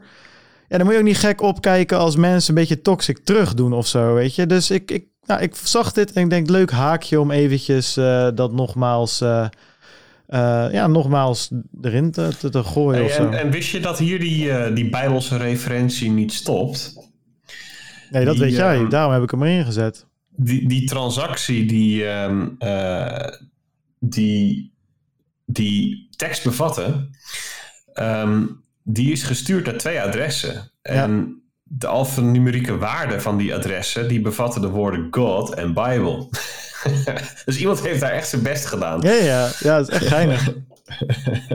Wel geinig, ja. Hey, en ik heb ook even de US Debt Clock geopend. Ik zie daar heel veel getalletjes. Ja, sick is die, uh, hè? Ja, dat is echt... Ik, ik ken deze inderdaad. Maar elke keer als je hem opent, denk ik weer van... Holy nou shit, ja, ik dacht ik voor de... Ja, nou ja, kan- ik weet ook niet overal waar je naar kijkt. Maar voor de mensen die dat eh, geinig vinden... Ik, ik zie... Ik, dat is één zo'n gozer op Twitter die ik volg. Een een of andere hacker of zo... die ook nog wel regelmatig over cryptocurrencies eh, eh, praat. Of bitcoin eigenlijk vooral. Ehm, de US debt... debt gewoon, wat is het? Schuldklok. De Ja. US debt... debt... debt... US debt clock, whatever. Ehm, ja, dat is een soort, ja, soort van, eh, eh, eh, hoe noem je dat? Dashboard. Nou ja, goed, als je dit als dashboard aan zou leveren als, als, als softwarebedrijf, word je doodgeslagen door je opdrachtgever. Maar alles gebeurt erop. Maar wat, je, wat ik grappig vind, wat je hier een beetje kan zien, is wat, wat, het, wat, het, wat de schuld is van Amerika. En ehm, je kan het bijvoorbeeld ook zien.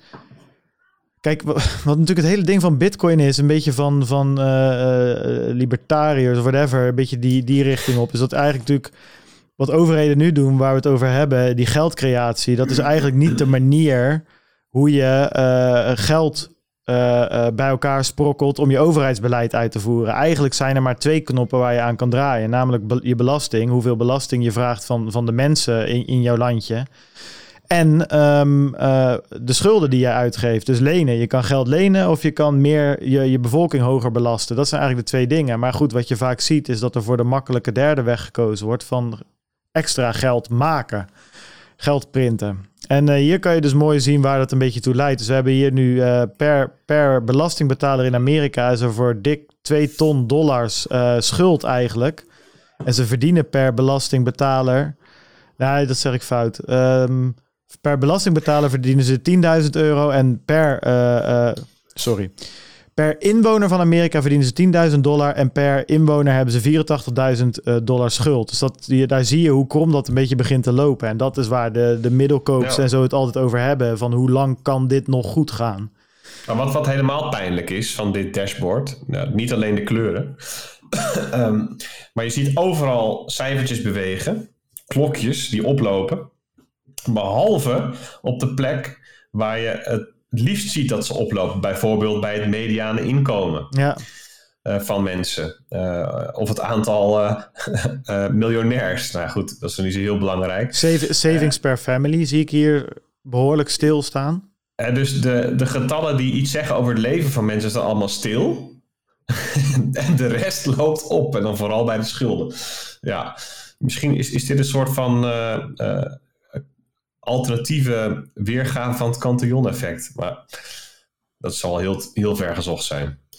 Leuk joh, ik zou er lekker naar kijken. Dit is hartstikke mooi om op de achtergrond te hebben. Als je, ik zou hem naast je, je Bitmax grafieken zetten. Als je, dan, nog geen epileptische aanval hebt gekregen, nou, dan ben je immuun. En dit werkt ook goed als je bijvoorbeeld inderdaad mij wil volgen en lekker positief wil blijven, dan moet je deze ook even opzetten. Dit is echt, eh, dit houdt je zo weer uit die, uit die negatieve sferen.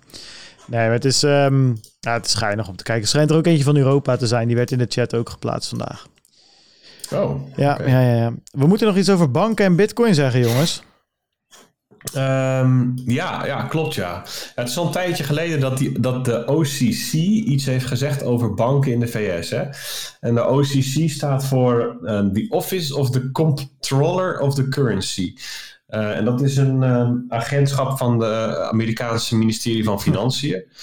Ehm, hoort in het rijtje thuis bij de Fed, CFTC's, SEC en dat soort toko's.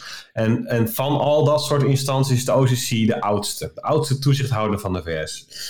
Ehm, en hun bericht is een paar weken geleden geweest dat banken mogen deelnemen aan financiële netwerken. Uh, waarvan de infrastructuur al dan niet gebaseerd is op een blockchain. Bijvoorbeeld een stablecoin of bitcoin. Um, en eigenlijk stellen ze dat type infrastructuur gelijk aan Swift en aan Fedwire en aan weet ik veel wat voor systemen er nog meer zijn, um, waarop um, uh, transacties worden gesetteld en afgehandeld.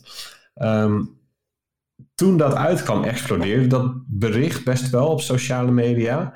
Um, dat werd toen als een van de meest bullish gebeurtenissen ooit uh, neergezet. Nou, en ik vroeg me wel af van, joh, is dat, uh, is dat terecht? Is, is, hoe wegen we dat nou eigenlijk? Nou, ik heb er zelf even over nagedacht.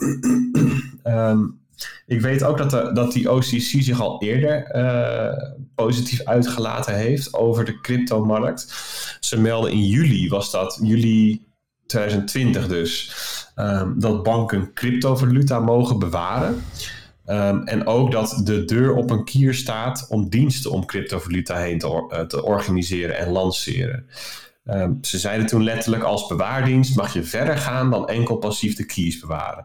Nou, ik heb wat positieve dingen op een rijtje gezet. Dus wat positief is, denk ik dat banken dus cryptovaluta mogen bewaren mm. en diensten daaromheen mogen lanceren. Ze mogen deelnemen aan publieke blockchains. Ze mogen van stablecoins gebruik maken en ook van andere cryptovaluta. Um, er is kennelijk in de VS ook niet een, een, een volledig in de, in volledige breedte georganiseerde frontale aanval cryptovaluta aan de hand. Dus dat kan je wegstrepen. Um, er zijn ook blijkbaar meerdere banken die hier vragen over hebben gesteld. Want die brief die de OCC heeft gepubliceerd is een antwoord um, op vragen erover vanuit de banksector. Banken mogen ook stablecoins gaan uitgeven wisselen naar fiat valuta, transacties valideren, opslaan enzovoorts. Um, en blijkbaar zijn er ook mensen bij de overheid van de VS betrokken die wel echt iets weten van cryptovaluta. In ieder geval aantonen dat ze iets van onderliggende technologie snappen. Dus een soort van de zijn op voor banken. Stonden ze al wel nu nog wat explicieter. Um, dus ja, het meest bullish toen, nou dat weet ik niet, maar op zich wel positief. Ik ben wel benieuwd hoe, hoe jullie er naar kijken. Toen bleef het angstvallig stil. ja. Ja, zal ik zeggen, ik heb, uh, ik wil, ik, ik, ik, ik ben wel benieuwd wat Bert, Bert heeft hier denk ik wel, uh, of in ieder geval, die heeft toen ooit eens gezegd dat hij hier wel wat nuttigs over te zeggen heeft. Ik, voor mij triggerde het meer om eens te gaan kijken van wat Swift nou ook alweer precies deed, zeg maar. Dus van oké, ze mogen het gebruiken voor settlement en clearing en zo, maar dat is ook het meest geschift complexe proces wat er bestaat op de wereld. Naast, naast het brein van een vrouw. uh, um, nee, nee, nee, nee, natuurlijk niet. Maar, um, nee, maar dat is, wel, dat is wel een beetje hoe het. Uh, waarvan ik dacht, hoe zit dat überhaupt even ook alweer of zo? Zodat ik het kan vergelijken met, uh, met Bitcoin of zo. En ik denk dat ik voor die vraag, hè, waar de, die, die, eh, die donatie, heb ik straks ook nog wel een antwoordje. De redding voor commerciële banken ging dit over. Dus ik laat eerst nog even Bert hierop uh, op reageren. Nou op het punt van wat er nu door die OCC gecommuniceerd is zelf, kan ik niet goed inschatten wat de, de, echte betekenis is. Dus wat, wat, er nu, uh, wat er nu anders is, nu dit er ligt. Um, ik heb, het is natuurlijk wel door ongeveer elke show, elke uh, zeg maar uitgeverij, bitcoin uitgeverij besproken. En um, daaruit maak ik ook op dat eigenlijk niemand het precies weet. Want er komen allerlei verschillende interpretaties komen eruit. En, veel gehoorde vind ik dat, dat mensen zeggen van nou ja, ze zeggen iets wat al lang zo was. Dus het betekent eigenlijk weinig. Ik bedoel, Jack Mallers zegt bijvoorbeeld ook. Van, ja, het is leuk dat ze het zeggen, maar we hadden net zo goed gelanceerd. Want uh, ja, in principe is het verder niks, anders. Andere mensen zeggen, ja, dit gaat helemaal niet over Bitcoin of over Tether of over DAI. Dit gaat over dat banken hun eigen stablecoins kunnen gaan uitgeven. Um, nog weer andere mensen die zeggen van, um, ja, dit doen ze omdat ze denken, ah, bitcoin, cookie, cookie, cookie, schattig muntje, dat kan wel, kan mij het schelen, weet je zo. En dus, wat zullen ze ons onderschatten? dus dat vind ik ook nog wel een aardige. Maar ja, dus ik, dat, dat, dat weet ik niet. Maar ik was hierover aan het nadenken, tenminste toen dit, toen dit een week of drie geleden, want volgens mij had ik het toen ook over met Peter in de auto toen we naar ehm, Rotterdam reden voor de live show. Dus het is al um, drie, drie weken geleden. Ja, Um, toen hadden we het erover en toen dacht ik van ja, Bitcoin, ja, dat was mijn, dat was mijn hypothese. En daar ging die, die uh, um, donatie ook over. Bitcoin zou wel eens de redding kunnen zijn voor commerciële banken. Commerciële banken hebben het niet makkelijk. En denk even aan de, de, de, zeg maar de, de dinosauriërs onder de commerciële banken. Dus de, de Rabobanken, de ING's en de ABN's. Daar werken dus mensen die dan serieus met um, in een nieuwsbrief komen met een stukje over bitcoin. Dat ze zeggen, ja, maar het is een tulpenmanie. Nu nog steeds. Echt serieus. En die, die mensen krijgen waarschijnlijk uitstekend betaald. Hè? Tonnen per jaar, weet je wel. Dus dat, dat, die bedoel ik. Die categorie commerciële banken. Die hebben het zwaar. Ik bedoel, ze worden helemaal uitgehold door de fintechs die dezelfde soort diensten aanbieden, maar dan hip en snel en met wel een goede app en goedkoper en weet ik wat allemaal en zonder uh, dit en dat. Ze, ze, de, de, centrale banken zitten er achteraan. Ik bedoel, centrale banken die zeggen, die gaan digitaal centrale bankgeld uitgeven. En die zeggen van ja, weet je, cash loopt een beetje terug. Um, en vroeger had je cash, contant geld had je en je had giraal geld. En uh, bij, de, bij de commerciële banken. En dat hield elkaar nog wel een beetje in evenwicht. Maar als het contante geld wegvalt, dan ligt er te veel, eh, hangt er te veel af van die commerciële banken. En de centrale banken die weten natuurlijk ook wel dat, dat, dat commerciële bankgeld, dat dat eigenlijk geen geld is, maar schuld.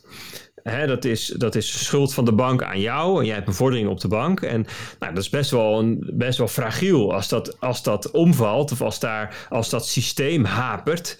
Ja, dan, dan, dan um, wat dan? Hè? En, en, dus dat is de ene kant, het risico. De andere kant is dat, dat, die, dat die commerciële bank gewoon wel veel macht krijgen. Want eigenlijk alles in een land wat er met geld te maken heeft, ligt ineens bij die commerciële banken. Als je geen contant geld meer hebt. Ik bedoel, mind you, um, 2020 was, werd twee derde van de, pin, van de transacties werd gepind. Dus digitaal betaald.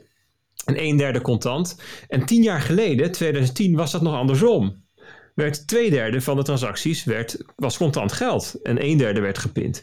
Dus dat is een heel korte tijd is dat aan het verschuiven. Nou, met corona is het natuurlijk alleen maar sneller gegaan. Ik weet nog niet wat de cijfers nu gaan zijn. In, in de, de, Nederlandse betaalvereniging zal er wel weer een rapportje over uitbrengen binnenkort. Maar ik, ik denk dat het alleen maar meer is geworden. Dat, dat er zeg maar minder mensen nog, nog met contant geld lopen, uh, uh, betalen. Nou ja, en lopen, want ik geloof dat Rotterdam was toch, Bart, dat je, dat je met meer dan 2000 euro was je automatisch een drugsdealer. Ja, hadden hier een redelijk losgeslagen VVD'er in de stad, inderdaad. Ja, ja. Maar die zit nu op een eilandje in de Maas, dus daar hebben we geen last meer van. oh ja. ja. Maar dat, dat, zijn, dat zijn wel de bewegingen. En dus die centrale banken die zeggen, wij gaan digitaal centrale bankgeld maken. Dat is een digitale versie van contant geld. Dus het, heeft eigenlijk, het lijkt meer op contant geld dan op um, het, het rekeningssaldo bij de bank die je hebt in de eigenschappen. Namelijk dat het niet Um, dat, dat, het niet, dat het, niet, het leeft niet in een database van de Rabobank, zeg maar. Dus het is ook niet afhankelijk van de Rabobank. Er, hoeft ook geen depositogarantiestelsel te zijn, want dat geld dat is gewoon, net zoals dat een tientje gewoon is. En um, nou ja, dat, dat, dat willen centrale banken heel graag gaan maken. Ze zijn allemaal mee bezig. Uh, de ECB heeft af en toe een artikeltje, af en toe toespraakje van uh, uh, Lagarde. En dan gaan ze er wel wat over zeggen. En dan zijn ze aan het onderzoeken, zijn aan het bouwen, zijn experimenteren. Gaat komen. China misschien wel als eerste.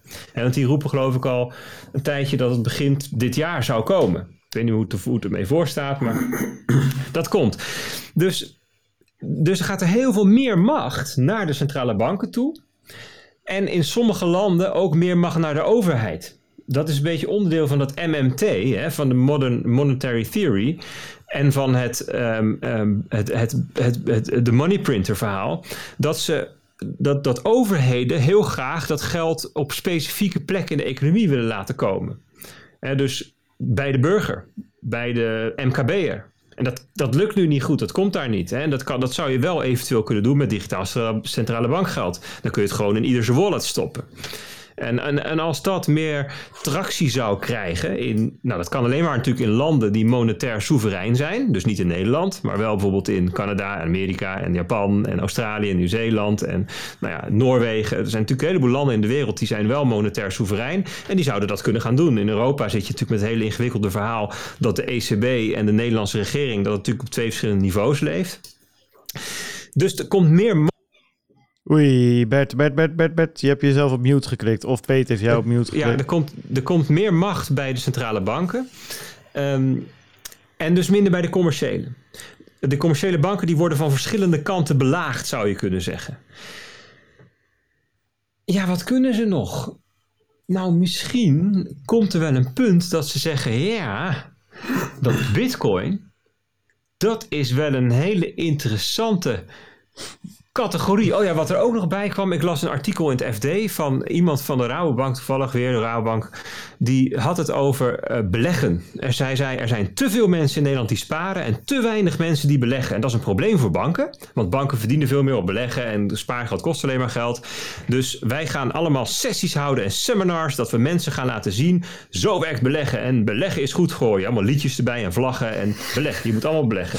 Dus dat, dat, ik las dat artikel en ik denk, ja, die banken hebben dus moeite met hun business model, met geld verdienen. Met die stomme Nederlanders die allemaal proberen te sparen. Natuurlijk moeten ze sparen. Want ze, moeten, ze willen dat huis kopen en niet een pot pindakaas. En dat lukt allemaal niet, daar hebben we het over gehad. Dus ze hebben moeite met die consumenten die, die niet willen beleggen. Ze met, met een businessmodel. Die centrale banken zitten achter ze aan. Die fintech bedrijfjes die knabbelen eraan. Wat kunnen ze nog? En misschien is bitcoin wel voor hun een fantastische manier om nog geld te gaan verdienen. Want ja, weet je, uiteindelijk, ik bedoel, PayPal doet het in Amerika. Waarom zou de Rabobank het niet in Nederland gaan doen? Daar kun je tenminste nog een beetje geld uh, uh, mee, voor vragen, voor alle diensten daaromheen. Ik weet het niet, maar. Ja, maar weet je wat het is? weet je wat het is, denk Bert? Ik ben het helemaal met je eens, namelijk een goed verhaal. Um, maar ik denk ook gewoon, kijk, in Nederland, de DNB zit er gewoon rete strak op. Dus je bent als, als, als private bank nu ook wel gek als je dan een beetje lofzang gaat houden over Bitcoin en whatever uiteindelijk is een private bank gewoon een private bank. Het is gewoon een commercieel bedrijf. Dus op het moment dat het mag en er is geld te verdienen en het is geen super sketchy bullshit, wat het niet is, wordt er gewoon een Bitcoin wallet aangeboden. Daar is niks sketchy's aan. Het is niet sketchy om naast een bankrekening een Bitcoin wallet aan te bieden aan jouw klant en een custodial functie aan te bieden. Maar het is op dit moment de DNB die daar gewoon nog behoorlijk uh, nou, dat, dat, zien we ook aan hoe de, de, de sanctiewet en zo geïnterpreteerd worden. Nou, daar zit een ander uiteinde van. Die staan er behoorlijk strikt in. En die hebben niet echt een pro-Bitcoin uh, slash cryptocurrency beleid. Dus ja, dan, dan snap ik wel dat een, dat, een, dat een Rabobank of een ING of een Rabo of noem een van die andere banken... dat die niet op de stijgers gaan staan en daar tegenin gaan roepen. Ik bedoel, met, Met, met alle regulatie die er, niet, die er nu is... Um, ga je niet je, je, je, je centrale bank die toezicht houdt op jou tegen de haren instrijken. Dat is hetzelfde als dat je weet dat je vader en moeder een hekel aan voetballen hebben en dan de hele tijd voetbalverhalen gaat vertellen op de verjaardag, weet je wel. Dat is gewoon dom. Nee, kijk, ik, ik, ik, denk ook niet dat dit iets is. Ten eerste, ik denk niet dat dit iets is van dit jaar. Uh, dus, nee, maar dus, het is geen, het is geen kritiek op jouw verhaal, want ik ben het helemaal met je eens. Maar mijn punt is meer, op het moment dat Bitcoin nog een klein beetje doorgroeit en uh, de, de, de centrale banken, in dit geval in Nederland de DNB, schaalt een klein beetje zijn mening bij en zegt op een gegeven moment: Nou, onder deze voorwaarden, dit en dit en dit, mag je gewoon een wallet aan gaan bieden. Dan zijn al die negatieve verhalen van al die uh, uh, bedrijfsfunctionarissen en managers binnen al die grootbanken gewoon weg. En is er binnen no time staat er gewoon een Bitcoin wallet op, op klanten te wachten. Dat is meer mijn punt. Die banken die gaan daar gewoon 100% mee overstag. Dat zei ik ook tegen die live show. Ik zie dat wel gebeuren. Als, als Bitcoin groot genoeg wordt, als er genoeg vraag is. En als op een gegeven moment de regelgever en toezichthouder zegt van het mag. Ja. Geef het twee weken, geef het een maand, dan is het er. Kijk, de reden dat ik dit koppelde aan het OCC-ding is dat Kijk, ik zie in Nederland, ik zie, ik zie wel gebeuren dat Nederland het allerlaatste land ter wereld is waar dit gebeurt. Want de Nederlandse bank, en kijk, ik bedoel, ook, kijk ook naar Rutte en de Jonge. Ehm, de hele sfeer in de Nederlandse eh, regering en de Nederlandse bank en het ministerie van Financiën is dat ze hun burgers vooral zien als fraudeurs en scammers. En, en boeven die je in de gaten moet houden, waar je, ehm, eh, waar je een toeslagenaffaire aan mee moet beginnen. Dat is gewoon, de Nederlandse is extreem conservatief. Dus ze zullen hier liefst de hele economie slopen dan dat ze wat innovatie toestaan. Maar andere landen, bedoel, kijk naar wat er nu in Amerika gebeurt. Daar zijn allerlei uh, cryptobedrijven die zijn banklicentie aan het aanvragen. Banken die zijn, ehm, PayPal is bitcoin wallets aan het aanbieden. En nou, nu die OCC, weet je, banken die zijn er gewoon in geïnteresseerd. Want zo'n OCC-uitspraak komt voort uit banken die vragen aan de OCC, doe hier dus een uitspraak over. Dus het komt ergens vandaan. Dus ik zie daar wel gebeuren dat, dat banken zeggen van nou ja, um, straks, straks um, kijk, kijk, die banken die hebben macht gekregen van de centrale bank om geld te creëren. Hè? Want de commerciële banken die creëren veel geld. Hè? Dus jij, jij, wil een huis kopen en dan wordt er gewoon tik, tik, tik, tik, tik. En dan drie, er is ineens drie ton ontstaat daar in de computer. Fractioneel bankieren. En dat, die macht die krijgen ze van de centrale bank, dit mogen ze. En in ruil daarvoor moeten ze heel, aan heel streng toezicht uh, voldoen. Kijk, als die verhouding tussen die centrale bank en die commerciële bank wat verandert, omdat die centrale bank veel macht naar zich toe trekt en ook geld gaat creëren, namelijk digitaal centrale bankgeld, dan zou het wel eens kunnen zijn dat die, die commerciële banken, die, zoals je terecht zegt, inderdaad gewoon bedrijven zijn, dat die zeggen van nou, we gaan dus een paar leuke businessmodelletjes naast zoeken. En, en dus die experimenten in Amerika met crypto, die zie ik vooral als mogelijk, hè, misschien, het is een hypothese, maar als een soort van verkenningen van, nou ja, misschien zit daar gewoon wel geld te verdienen. Nee, maar dat is... dat is in, in, Nederland zal het heel lang duren. Dat ja, maar ik zeg niet... Benieuwd, ja. Ik ben nog wel benieuwd hoe je hier tegenaan kijkt dan, uh, waarom je dit ziet als de redding van commerciële banken, in plaats van gewoon een extra um, inkomstenbron voor commerciële banken. Want uh, het is toch niet zo dat uh, de verwachting is dat het gros van de producten van, uh, waar commerciële banken nu geld aan verdienen gaat verdwijnen. Nou, dat, is, dat is al aan het gebeuren, al tig jaar. Dat elke keer er inkomstenbronnen opdrogen. Ja, is dat zo? Kijk, neem, neem een Rabo. Ik, ik weet niet precies hoe, um, hoe, hoe een inkomsten verdeeld zijn, maar ik kan me heel goed voorstellen dat, dat private banking en um, hypotheken en verzekeringsproducten niet per se gaan verdwijnen omdat er CBDC's bij komen. Nee, maar wat Bert nee, zegt daar... is dat je wel een Adyen en een Molly hebt die bijvoorbeeld die hele payment, uh, dat hele paymentstuk van die banken uitgevreten hebben. En zo heb je ook uh, uh, van die fintech verzekeraars, fintech pensioenaanbieders, fintech zus, fintech zo. En die richten ze op één punt, zijn super lean en concurreren ze er gewoon uit op fees. En dat ja, is wel interessant. En, en, wetgeving wordt strakker, hè? dus je mag niet meer zomaar al die, weet je als, je, als je verzekeringen verkocht, vroeger mocht je gewoon dat bedrag wat je dan kreeg eh, als tussenpersoon.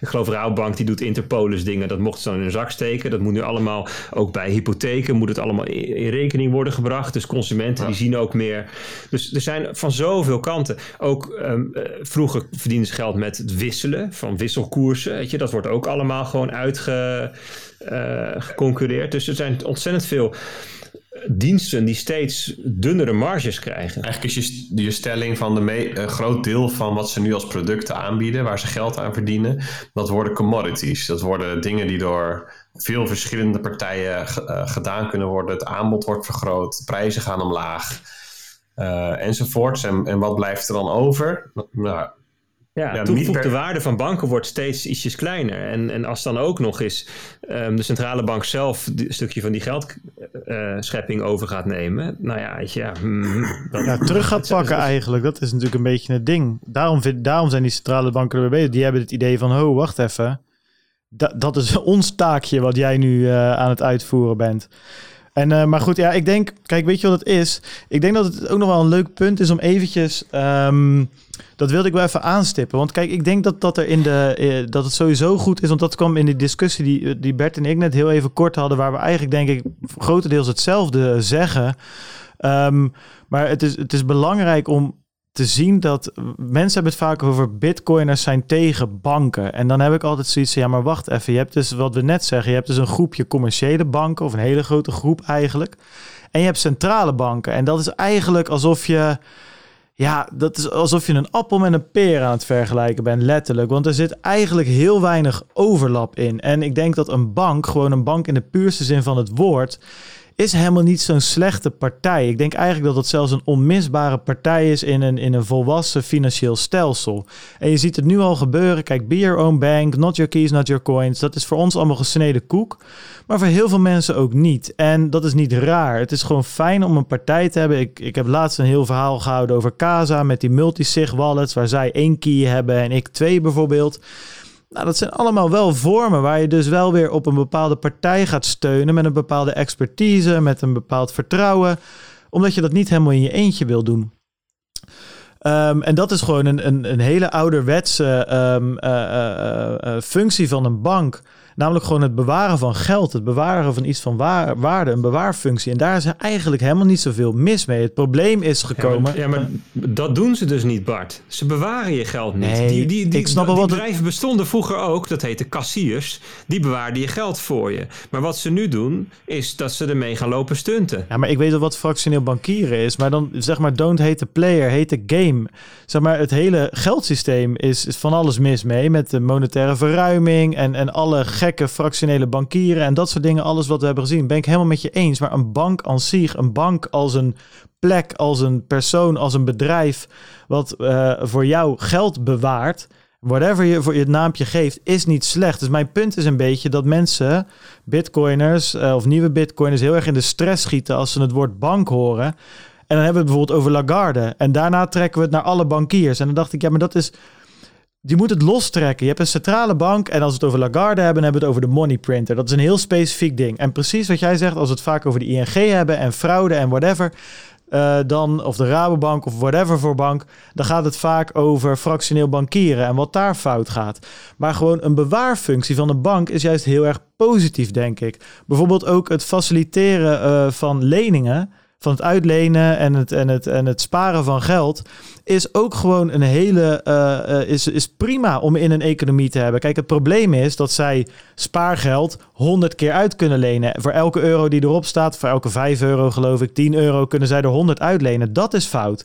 Maar op zich is het niet fout dat als ik zeg tegen die bank van joh, ik zet mijn bitcoin bij jullie neer. Uh, dat hoeft niet gewoon één op één bewaard te worden. Jullie mogen daarmee de markt op. En als ik dan een wat hogere rente krijg, wil ik het best uitlenen. En dat zij dan de markt op gaan en gaan kijken: hey, Peter is daar, Bert is daar, die willen wat geld lenen. En die gaan het faciliteren. Prima, daar is niks mis mee. Dus ik, ik, ik vind het, dat wil ik nog even gewoon aanstippen. Dat ten eerste, eerste punt, gewoon een normale bank zoals ING, Rabo en, uh, en, en ABN is ontzettend wat anders, heel erg wat anders dan een centrale bank. In alles wat ze doen eigenlijk. Origineel, hè? En, en nu met die geldschepping is dat soms overlapt dat wat meer, maar dat, dat is in principe punt 1. En punt 2 is dat gewoon een functie van een bank of een functie van een centrale bank is niet zo gek.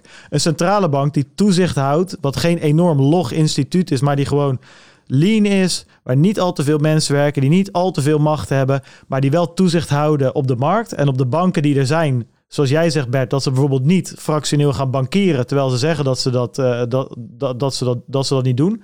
Hè? Dat is ook prima. Dus op zich is een functie van een centrale bank niet zo gek. En een functie van een normale bank ook niet zo gek. Alleen de manier hoe ze nu functioneren is heel gek. Wat jij heel terecht zegt. De, de spelregels zijn inderdaad uh, discutabel.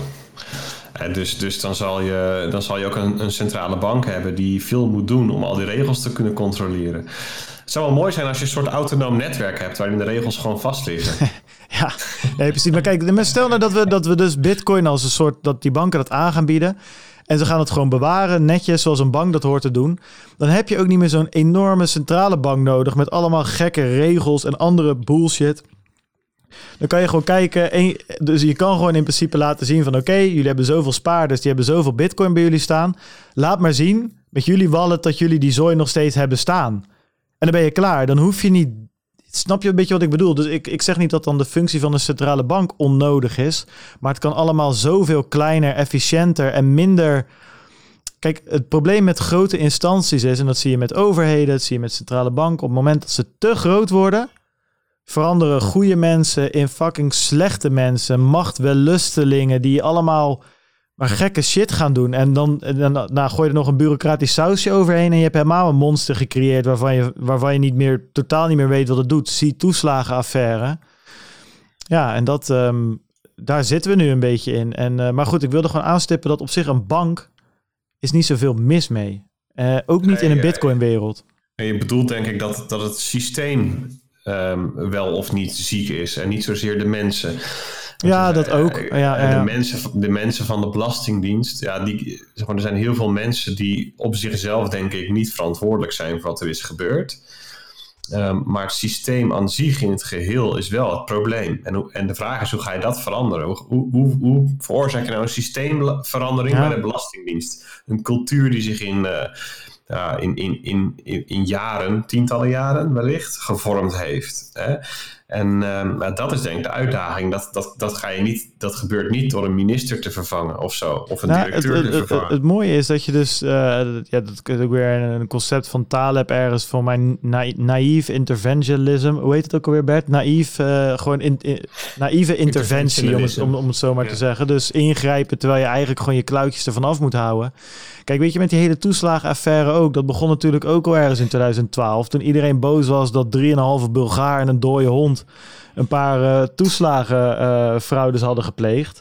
Wat uiteindelijk echt een, een microscopisch klein aandeel was van alle toeslagen. Dat is de start geweest om eens even. Die zouden we. Fraude moest harder aangepakt worden. Ja. En de, degene die daar toen het hardst achteraan zat, was Pieter Omzicht, overigens. Om er eventjes aan te tonen dat. Ja, kijk. Sommige dingen, weet je, is. Je kan niet overal regeltjes, regeltjes, regeltjes op blijven stapelen. Ook al met goede bedoeling. Op een gegeven moment houdt, houdt dat op. En moet je maar gewoon voor lief nemen dat, net als met, uh, met bitcoin en terrorisme en criminaliteit. Dat zolang, dat niet, zolang dat niet helemaal de spuigaten uitloopt dan is dat er gewoon, weet je. Het is en... natuurlijk uh, sowieso dubieus dat op dat moment niet werd gekeken naar... Hmm, zou het systeem misschien onderdeel zijn van het probleem... in plaats van dat ze gingen kijken naar... joh, wat zijn die mensen nou aan het doen? We moeten ja. nu vervolgens iedereen maar eens gaan, uh, uh, gaan behandelen als fraudeur... om te voorkomen dat, het, dat mensen misbruik maken van het systeem. Ja. Ja, dit, maar goed. Laat, genoeg over de toeslagenaffaire. Zullen we nog even lekker naar FUT gaan? Nog meer FUT. Yes. FUT, precies. Nog meer FUT. De FUT-week. Ja, want ik zei het al Er zitten nu een paar luisteraars die denken, nice! 1 uur en 55 minuten en nog een onderwerpje. Ze hebben gewoon geluisterd. Nou jongens, ik zit in mijn slaapzak klaar hoor. Avondklokje aan en uh, ik ga tot 4 uur s'nachts door. Mijn 0.0 is leeg. De avondklok-editie. Ja, dat vind ik wel goed ja. bedacht van jou. Uh, ja, de avondklok-editie. Het is dus al opgeavondklokt. Maar goed. Kan, ja, kan je niet, kan je niet uh, even naar je vrouwtje of naar je kinderen? Ja. Heb je je kinderen niet opgevoed zo of zo? Kom. Ja, ja. Nou, hier. uh, ik weet niet of dat... ja, ja, nee. nee. Um, ja, ik had het al even over in die, in die die we door gefietst zijn in sneltreinvaart. Um, dat gedurende de week het, sentiment echt een beetje omsloeg. Hè, naar, uh, nou ja, gewoon niet een beetje zo'n bearish sent sentiment. Twijfel. Ja, wel echt zo'n fut gevoel. Als je het nog nooit gevoeld hebt, is het lastig te omschrijven. Maar dat, dat, dat, dat, dat werd toch veroorzaakt door een opstapeling van geruchten en berichten. Zo kwam er begin deze week kwam er een heel, nou ja, tussen aanhalingstekens doorvrocht artikel live de Bit Short heet dat op Medium. Dat ging over Tether. Dat was iemand die heeft echt een soort levenswerk gemaakt van een verhaal vertellen over hoe hij denkt dat, dat, dat Tether fraudeleus is. En dat is onwijs viral gegaan. Uh, in, de, in de categorie honderden retweets, misschien wel duizenden uh, inmiddels. Um, daar overheen kwam nog een stukje. Uh, Wat vind over... jij van de Tetherfut, Peter? Dat ben ik nou wel benieuwd naar.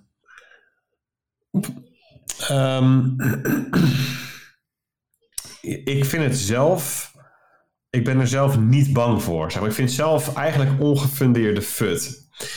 Nou, wat is het idee? Het idee is dat, ze, dat, dat tethers dus niet gedekt zijn door dollars of een ander asset met, met, met, met gelijksoortige waarden. Wat was de bedoeling? Hè? Het idee was ja. origineel dat er voor elke tether ergens een, een, dollar in de kast ligt. Of een dollar of 70 cent en 30 cent aan Klopt. aandeeltjes of zo. Of euro's. Nou, een, een tether is een club van techneuten. Die zijn ermee gestart. En die hebben niet van het begin af aan ervoor gezorgd ehm, dat er ook iemand zich over de compliance zou buigen. Die hebben dus niet van begin af aan elke maand netjes een, een audit report of zo online staan. Van kijk, dit is ons reserve en dit is wat we uitgegeven hebben. Alles is mooi, de zon schijnt en uh, jullie kunnen ons vertrouwen.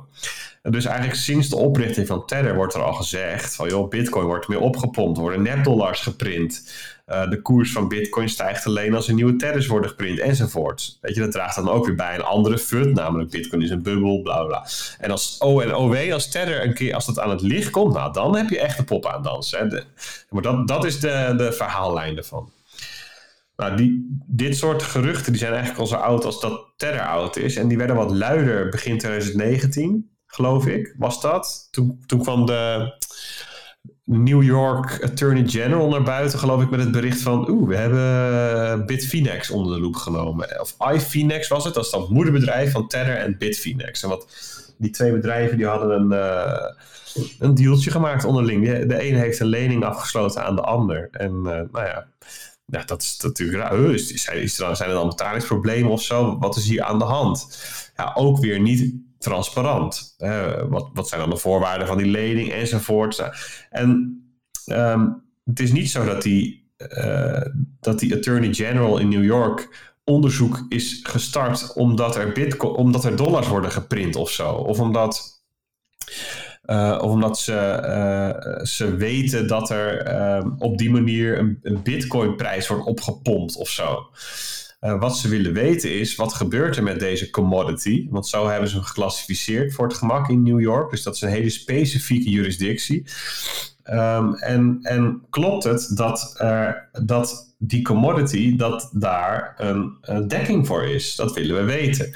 Dus produceer eens even het document waar we dat kunnen zien. Eén, dat daar niet mee gesjoemeld wordt en, en, um, uh, enzovoort. En ja, die rechtszaak, daar gaat natuurlijk uh, lange tijd overheen. Ik geloof dat deze week dat er, uh, weet ik voor hoeveel miljoenen documenten overhandigd zijn. En ze hebben nog 30 dagen uitstel gevraagd om nog wat meer documenten te kunnen printen. Dat kunnen ze wel, kennelijk, documenten printen. Um, ja, en wat dan de uitkomst is, ja, ik ben er niet zo heel erg bang voor, voor wat de uitkomst is, eerlijk gezegd. Uh, dit, is, dit is niet iets unieks of zo. Ja, Tether die, die doet nu mee met de grote jongens. En uh, die wordt net zo behandeld als banken. En ja, misschien dat de uitkomst is dat ze een boete krijgen... omdat ze iets niet goed genoeg gepubliceerd of bijgehouden hebben. Dat zou kunnen. Uh, maar ik zit eerder te denken aan, zo'n uitkomst... dan dat daaruit gaat komen dat, dat, dat er nul onderpand is voor de Tethers of zo. En, maar als dat wel je uitgangspunt is, ja, dan kun je natuurlijk wel hele interessante verhalen gaan construeren. En dat is wat er telkens gebeurt. Mm. Er wordt een conclusie getrokken, er is geen onderpand. En van daaruit uh, wordt er geredeneerd van wat er aan de hand zou kunnen zijn. En ja. dan wordt daar bewijs bij gezocht. Kan je doen, ja. ja ik denk dat je dingen ook een beetje los moet trekken. Ik, ik vind nog steeds Tether best wel gewoon een, een, een ja, enigszins sketchy verhaal. In de zin van dat, dat ze hem ook nooit echt hebben weten te overtuigen dat het wel goed zit of zo. En hoe langer dat duurt, ja, hoe vreemder dat is of zo. Een beetje, ja, dat ik denk van ja, nou, uh, nee, nee. Weet, weet, het, is, weet niet. Het is natuurlijk gewoon lomp dat ze nog niet maandelijks laten zien hoe hun reserve eruit ziet. Nee, precies. Dus dat. Maar ik denk en... de, de, de, de soort van de, uh, het verhaal wat er gemaakt wordt en de 1 plus 1 is 2 en het verband wat direct getrokken wordt, is van oké, okay, dus Tether is sketchy, dus Bitcoin is sketchy of zo. Weet je, een beetje die gedachtesprong.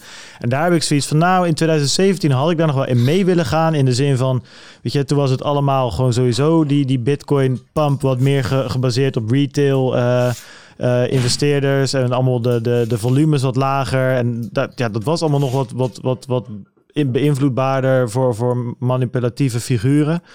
Maar ik heb nu zoiets van, ja, als het weg zou vallen heb ik het idee dat er nu wel dat de markt wel wat volwassener is. En ik bedoel, kijk, als het zo blijkt dat Tether echt helemaal niks blijkt te zijn, uh, dat het helemaal fout is, dan ga je alsnog wel natuurlijk effect zien gewoon op de markt. Ik bedoel, we zien nu nog steeds uh, effecten op de, op de markt als er even wat fout gaat of als er ergens een keer exchange uitklapt of als er een liquiditeitsprobleem is op één exchange, dan kan dat best wel invloed hebben.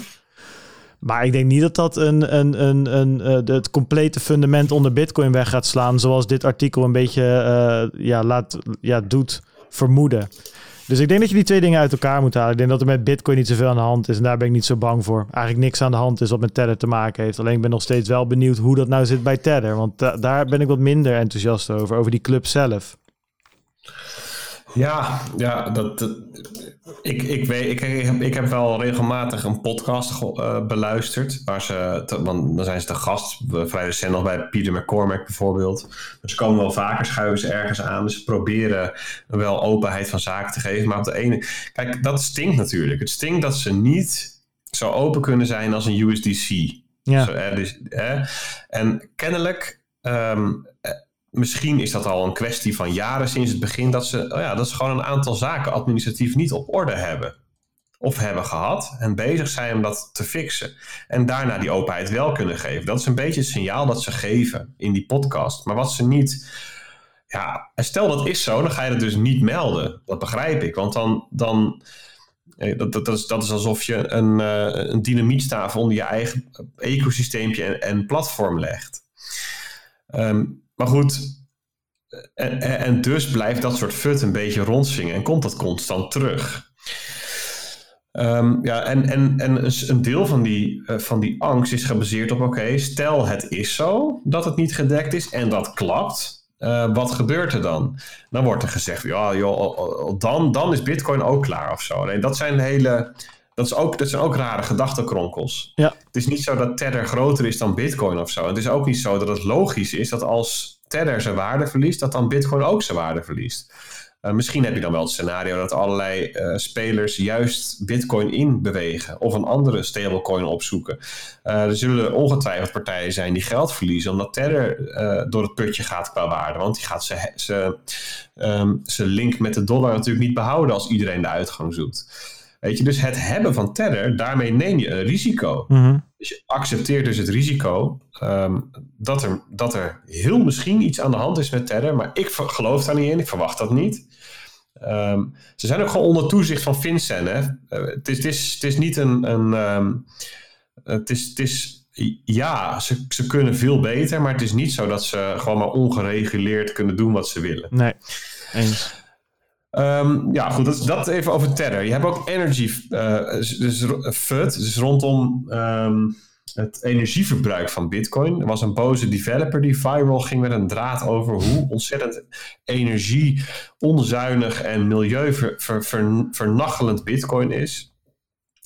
Ja, dat komt eigenlijk ook altijd wel terug. Hè? Dat is wel typisch aan, aan, een bull market, dat je verschillende soorten um, verhaallijnen die uh, Bitcoin in een negatief daglicht zetten, dat is dan in ieder geval de poging ervan, dat is vaak ook de toon, bij elkaar komen. Je had, je had ook um, allerlei berichten over de intrinsieke waarde. Uh, dus de value FUD heb ik dat genoemd. Van Bitcoin is lucht. Er is, er is helemaal geen reden dat het een waarde zou moeten hebben. Um, die is er niet, die is nul. Ja, en, en dan komt er ook, kan je dan de klok op gelijk stellen, dan komt het volgende onderwerp, de, terror fund noem ik dat. Dat gaat dan over witwassen en terrorismefinanciering. En dan was er een uitspraak van Janet Yellen, uh, die werkt ook bij het ministerie van Financiën in de VS. En die zei iets van, ja, het is wel zorgwekkend die cryptovaluta. Uh, er kan best wel zijn dat daar uh, loesje zaken mee gebeuren en zo. Dat moeten we wel reguleren. Dat was, dat was wat ze zei. En dat wordt dan door allerlei mensen, of ja, trolls of bots of weet ik veel wat, geponeerd als van ah, Bitcoin gaat eraan, zie je wel, dit was het, jullie zijn te groot geworden, doe doe, la la. Nou ja, en, en dat gaat dan ook weer een eigen leven leiden. Nou, en, en dan komt uh, Craig Wright nog een keertje langs met zijn eigen fut, want die is al te lang, heeft te lang in de schaduw gestaan. Die dacht, shit, ik moet ook weer wat, dus ik ga brieven sturen uh, naar, naar allerlei spelers binnen de Bitcoin-wereld, onder bitcoin.org. Um, en bitcoincore.org volgens mij. Van joh, uh, jullie mogen de whitepaper niet hosten, want daar heb ik namelijk het copyright op. Net zoals allerlei andere mensen, want er zijn allerlei mensen die die copyright hebben aangevraagd op het document. Om te laten zien dat dat weinig voorstelt, zo'n uh, copyright op, op zo'n whitepaper. Die registratie is in ieder geval betekent niet ook daadwerkelijk dat iemand copyright heeft. Um, en dat, is, ja, dat, dat leidt dan, dat is dan vervelend, leidt dan ook weer tot een soap eigenlijk in het Bitcoin-wereldje.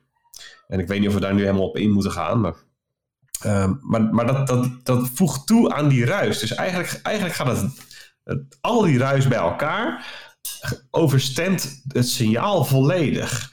En uh, vandaag dan ook weer die double spend, die is, die is uh, ja, ik geloof dat Cointelegraph de eerste was die erover publiceerde. De double spend vat, ja, die kreeg ik uh, vanochtend in mijn, uh, door, door voor mij uh, Koos studie die door op Twitter. Heb ik even naar gekeken en dat inderdaad, dat, weet je wat, dat, nou ja, vertel eerst maar wat het was, Peter, dan ik, zeg ik daarna wat ik ervan vond. Nou ja, um, ik kan vertellen tot hoever ik bij, er ingedoken ben. Dus ik weet dat uh, Bitmax Research um, best wel een actief teampje. Ik denk dat het niet een heel groot team, is, maar die zijn gewoon actief bezig met, uh, met, met het doen van analyse naar wat er gebeurt op het Bitcoin-netwerk. En die houden dat bij. Um, en die zagen een opvallende, uh, opvallend scenario langskomen.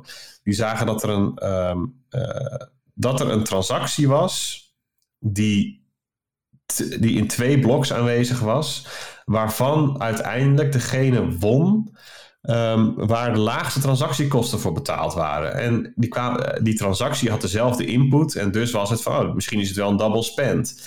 Um, ik denk dat ze dat op een onhandige manier geformuleerd hebben. En dat ging dan vervolgens de wereld rond als... Oh, er is een double spend, bitcoin is broken. En het gaat echt zo ver dat het dus in zo'n Bloomberg terminal terechtkomt maar dat dus, is het, want uiteindelijk was het punt volgens mij gewoon dat er een transactie gedaan was, die bleef te lang hangen. Dus toen dan wordt er een, een replace by fee gedaan, RBF heet dat. Dus dan stuur je dezelfde transactie met wat meer fee, zodat die dan uh, uiteindelijk gemined wordt en die ander eigenlijk incorrect wordt. Maar in principe zijn het allebei correcte transacties. En nu wil het toeval, dat is natuurlijk heel toevallig, dat er precies op dat moment ook een soort van chain splitje was. Dat heb je wel vaker dat je dus een orphan blok krijgt. En een van die transacties zat uiteindelijk in de langste chain. En de andere transacties dus in de chain, in, in dat stuk wat nu verworpen is, als het ware. Dus eigenlijk, Bert zei het al goed voor de uitzending. Weet je, eigenlijk laat het alleen maar zien dat Bitcoin precies zo werkt zoals het ontworpen is om te werken. en uh, ja, weet je, dan komt het inderdaad in zo'n Bloomberg terminal terecht als zijn de Bitcoin drop 7% uh, dubbel spend of zo uh, identified, whatever. Iets in die richting dat je denkt, ja, ja, eh, eh, Gewoon, ja, nee, dit, is geen, dit is geen double spend in de zin van een double spend attack of zo. Of dat het protocolstuk is. Kijk, het hoeft ook niet per se een RBF te zijn geweest. Hè. Het kan ook best wel zijn dat iemand een poging heeft gedaan om een ander uh, op het verkeerde been te zetten. Uh, dat, dat kan. Uh, um, je, je als er zo'n stil blok ontstaat dan, en, en er vindt een reorganisatie van de chain plaats, dan heb je een moment, uh, een opportuniteit eigenlijk om een ontvanger te misleiden. Bijvoorbeeld, ik, ik, uh, ik stuur jou. Ik, ik, ik, ik koop voor jou je auto. Jij zegt, nou, daar wil ik één BTC voor. Ja, is prima. En ik maak met één transactie één BTC over naar je. Um, en, en een andere transactie eventueel dezelfde input um, uh, doe ik, maak ik daar 0,01 BTC van en krijg ik de rest als change. Um, en in, in een stil blok die jij ontvangt en ziet, zie jij, oh, ik heb 1 BTC gekregen, mooi, nou, hier heb je mijn auto. en vervolgens vindt er een reorganisatie plaats, omdat dat niet de langste chain blijkt te zijn dan zie jij in je wallet die 1 BTC weer verdwijnen en krijg je rempel die 0,01. In plaats van die ene BTC die ik je opgestuurd heb. En dan heb jij verdorie veel te weinig gekregen voor je auto. Dat is mogelijk. Uh, maar wel echt een edge case. Waar, en, en waarvan ik me afvraag ja, hoe die goed uit te voeren is. Ja, maar ja, precies. Want dan moet je dus wel op, op, op aanvraag stil bloks kunnen produceren. Uh, dit is wel typisch een case die beschreven staat in het Bitcoin whitepaper. Dus hoe uitvoerbaar is, weet ik niet. Um, maar dat het Bitcoin-protocol zelf, zeg maar, dit is niet nieuw. Dit is, dit is met voorbedachte raad dat dit kan. Daarom is het ook niet een goed idee als jij je huis verkoopt. Voor, nou, een huis is slecht voorbeeld, maar als jij iets verkoopt voor, een, voor 100 BTC, dat je niet na één confirmation zegt: Oké, okay, prima, toedeledokie. Uh, maar even wacht. En bijvoorbeeld zes confirmations afwacht. Want de kans dat je dan nog te maken hebt met orphans uh, ja, die is wel heel klein geworden. Dat is ook precies wat er in de whitepaper staat. Dus welke richting het ook is, dit is niet iets uh, wat te maken heeft met dat het protocol niet doet wat en, het moet doen. En het ding met die FUT, al die dingen die je opgenoemd hebt, bijvoorbeeld die, dat energieverbruik FUT. Elke keer dan open ik weer zoiets wat viral is gegaan en denk ik, ik, wil, ik hoop nu toch zo dat er hier iemand zit die verstand van Bitcoin heeft, verstand van de waardepropositie van Bitcoin heeft. En dat, en dat is inderdaad uiteen gaat zetten tegen het energieverbruik of zo. En daar gewoon probeert een eerlijk verhaal over te schrijven. Want ik ben nog steeds er wel inderdaad wel geïnteresseerd in. Want ja, inderdaad, ik, ik, ik snap Bitcoin. Maar als ik dan zo'n filmpje uit zo'n mining farm zie, dan bekruipt mij toch ook vaak wel het gevoel van zo, holy fuck joh, dat is een enorm. Dit, dit, wat zijn we hier aan het doen? Ja, dat zou ik ook waarschijnlijk krijgen als, als ik een filmpje zie van een goudmijn, by the way. Of het omsmeltproces van goud of whatever, hoe dat werkt. Maar ik, ik, dan lees ik dit weer. En de tweede tweet was volgens mij alweer iets van... Uh, TL too long didn't read on Bitcoin economics. Is it's a pyramid-shaped investment scheme. En de derde is alleen weer that alone is sufficiently awful. Uh, en het is pointless. En underlying technology of Bitcoin is bla bla bla slecht. En ik denk, ja, gaan we weer. Schrijf nou een keer wat goeds. Want ik wil, ik, ik sta echt best wel open tegen, of eigenlijk open voor kritiek op Bitcoin. Goede kritiek op Bitcoin. Weet je, als ik dan ook weer gewoon. En vaak komt het van core developers die dan zeggen: van ja, jongens, ik weet niet, maar uh, die privacy is best wel een probleempje eigenlijk. Uh, dan weten we ook nog niet precies uh, hoe we dat op, gaan, op gaan lossen. Dat vind ik interessant. maar energie is ook best een interessante discussie waar meer dan tien echt goede argumenten voor en tegen zijn. Maar dat is niet waar dit stuk over gaat van Peter. Dit gaat over de FUD. Dus energie is een van die onderwerpen die eens in de zoveel tijd als FUD, in de vorm van FUD, ja, ja, ja, dat wordt geadresseerd. Het doet niks af aan, aan het punt dat energie op zichzelf een interessant onderwerp is waar je het ook over moet hebben. Net zoals de bloksubsidie dat die steeds lager wordt. Dat is ook een interessant onderwerp waar je het over moet hebben.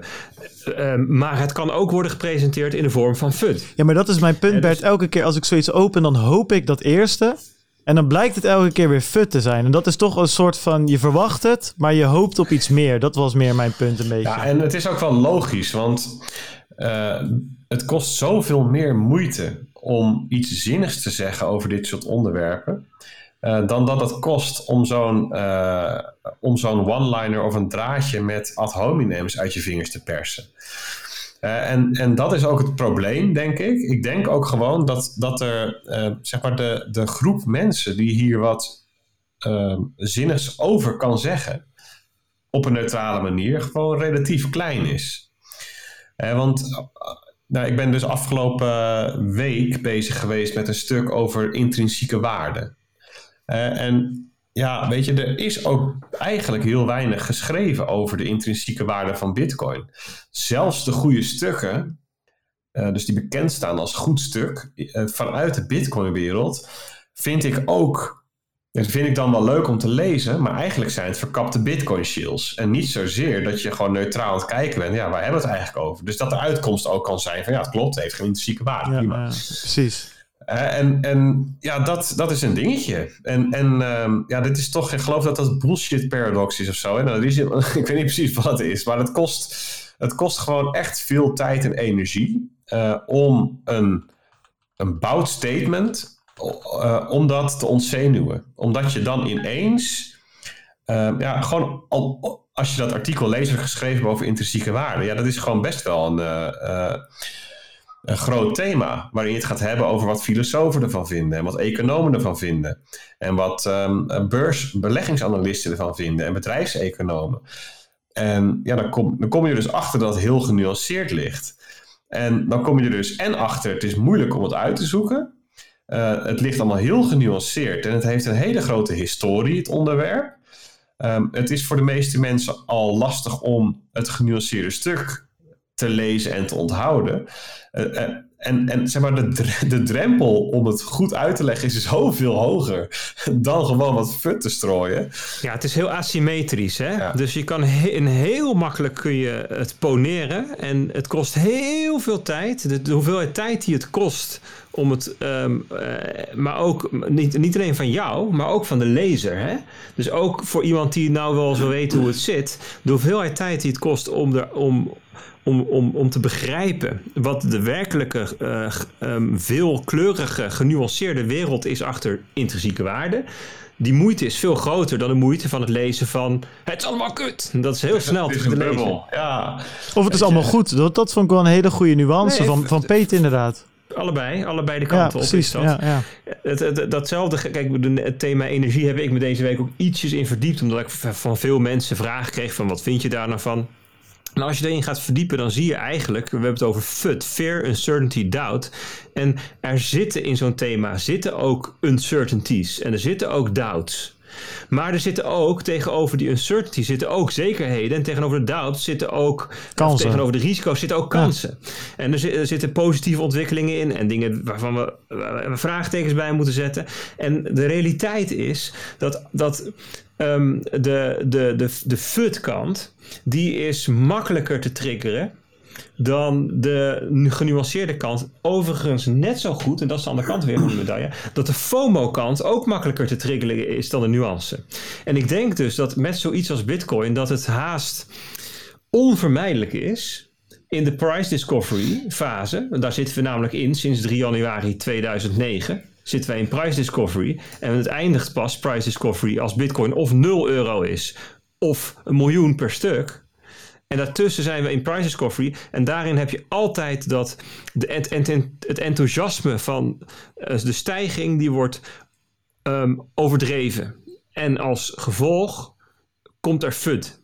Dan wordt de daling wordt overdreven. En als gevolg komt er FOMO. En ja, dat gaat gewoon zo door. En, um, en, het, en het vervelende, ik zag James, Jameson Lobb, die schreef erover... The big boys aren't dumb. They will fut the hell out of Bitcoin if it benefits them to get cheap coins. Don't fall for it. En dat is wel wat je ziet. Ja. De afgelopen dagen weer. Dat er het aantal whales wat er is. Nou, ik geloof het zat al in de centimeter. Nou, in ieder geval het aantal whales is gestegen. Ja, er zijn meer mensen met meer dan duizend bitcoins. Uh, gekomen de afgelopen paar dagen. Want ja, die, die mensen die hebben een plan gemaakt. Ik ga bitcoins kopen. En die denken, dit is een goed moment voor dat plan. ja. ja, en dan kun je... En, en weet je wel, dus... Dus, ja, dat hele idee dat al die whales, zeg maar, allemaal grote, grote bedrijven altijd dan maar weer een soort van expres fut gaan verspreiden om goedkoop in te kopen. Dat doet me altijd weer een beetje denken aan uh, 2017. Waar we ook, ja, soms kunnen we in de Bitcoin-wereld of in de crypto-wereld aan zich ook een beetje als een stel, ja, weet ik veel, als een stel boeren in het jaar 500 voor Christus of zo, iets in die richting. Dat de oogst verpest is. En dan geven we de schuld aan de god van, uh, van de oogst of whatever. En bij in de Bitcoin-wereld kunnen we iets niet goed verklaren. Whales. Altijd whales. Ze nee, dumpen, nee, ze kopen, is... ze willen je, uh, ze, ze pushen de prijzen naar beneden. Ja, maar ik bedoel hem wel. Dus ik zeg dat jij het zo bedoelt. Maar het is wel zo dat ik ook alweer las. Volgens mij zei plan B het dat al die grote bedrijven expres liepen te fudden. Zodat ze goedkoop in konden kopen. denk ik, ja. Nou, gaat mij erg ver om ze allemaal op de frauderende hoop te gooien. Dat ze gaan handelen met voorkennis en de markt manipuleren. Maar goed, misschien weet hij het beter dan ik. Dat zou zeker kunnen. Maar vond het, het uh, ik vind het, het hele bouwde uitspraken. Het is denk ik wel zo dat de big boys kijk, de big boys, die zijn denk ik wel um, de mensen die gebeld worden. Ik bedoel, dat zie je ook bij in, in, in Nederland, in het medialandschap, dan komt er een stukje over bitcoin en dan bellen ze toch weer een of andere oude bankier van de ING op. Weet je, en dan is toch met, met ING erachter en die zegt er dan wat over. En dat gebeurt in Amerika ook. Dus dan ontstaat er, er ontstaat dan een gerucht over Tether, of nou Peter heeft ze allemaal opgenoemd, um, value, energy, ja, ja. terror. En dan, en dan, nou ja, dan bellen ze maar weer uh, iemand van uh, JP Morgan op en die zegt ja, ja, ja, nou ja, dit is inderdaad wel risico. En dan komt er dan te staan, weet je wel. Dus die, die, die grote namen worden er dan ook een soort van aan verbonden. Dat, ik denk dat dat effect ook meespeelt. Doe nu, zou Nederland ook meemaken, nu daalt die prijs van bitcoin. Nou, ze hebben mij nog niet gebeld. Dus nou ja, dan heb je best kans dat ze dan toch weer een of andere bankier van de Rabobank gebeld hebben. Die zegt, ja, ja, de prijs daalt juist niet zo gek, want het is natuurlijk een piramidespel. Weet je, ja. En dan Ja, staat maar dat is, ik, snap, ik, ik snap wel dat hij dat zegt. Ik denk alleen niet dat hij het zegt om daarna zijn eigen zakken te vullen. En misschien, Nee, dat, er, niet, en misschien dat er één zo'n rotte appel tussen ziet, maar niet allemaal. En dat is een beetje, maar goed, whatever. Nee, maar het gaat even om de vraag van waarom zien we elke keer die grote namen in, ehm, in, in relatie met FUT Ja, ja, ja. Want dat is, wel, dat is wel iets wat je kunt observeren. Ik bedoel, dat, in dit geval ook, als je gaat kijken in het lijstje, dan zie je wel weer ook grote namen daarbij zitten. Oh nee, maar dat is wel waar. Maar ik denk dus, zeg maar, de, de, de, de, ik denk dat dat eerder komt, niet dat, omdat ze zelf... En ik zeg niet dat jij dat zegt hoor, maar wat, wat- dat las ik een aantal keer, omdat ze zelf willen inkopen of whatever, in marktmanipulatieachtige theorieën. Ik, eh, ik, ik, ik, ik zag net constant het zeggen in de chat en dat, daar was ik, dat, dat, ik denk dat dat het is. Bitcoin tornt aan alles wat ze ooit opgebouwd hebben. Weet je, als jij 30 jaar als bankier jezelf opgewerkt hebt in een bepaalde markt waar banken of eh, de bank waar jij werkt fractioneel bankiert en geld kan creëren en hypotheken aanbiedt en allemaal weirde derivaatproducten en whatever. En er komt dan een Bitcoin systeem wat letterlijk compleet anders is dan alles wat jij ooit geleerd hebt, alles waar je ooit voor gewerkt hebt, alles waar je ooit promoties in gemaakt hebt, geld mee verdiend hebt, whatever. Dan zeg je inderdaad dat het kloten is. Da- daar, kan, daar kan ik inkomen. Je verdedigt inderdaad waarvoor je werkt en wat je gewend bent. Ik denk dat dat een simpelere, meer logische verklaring is. En dan is FUT een aanknopingspunt om dat verhaal te vertellen. Ja, zeker. Precies. Ja, het is, het is en-en. Weet je, er zijn, er zijn eh, partijen die het expres doen. Er zijn partijen die het misschien uit rancune doen. Eh, er zijn partijen die ook gewoon niet beter weten.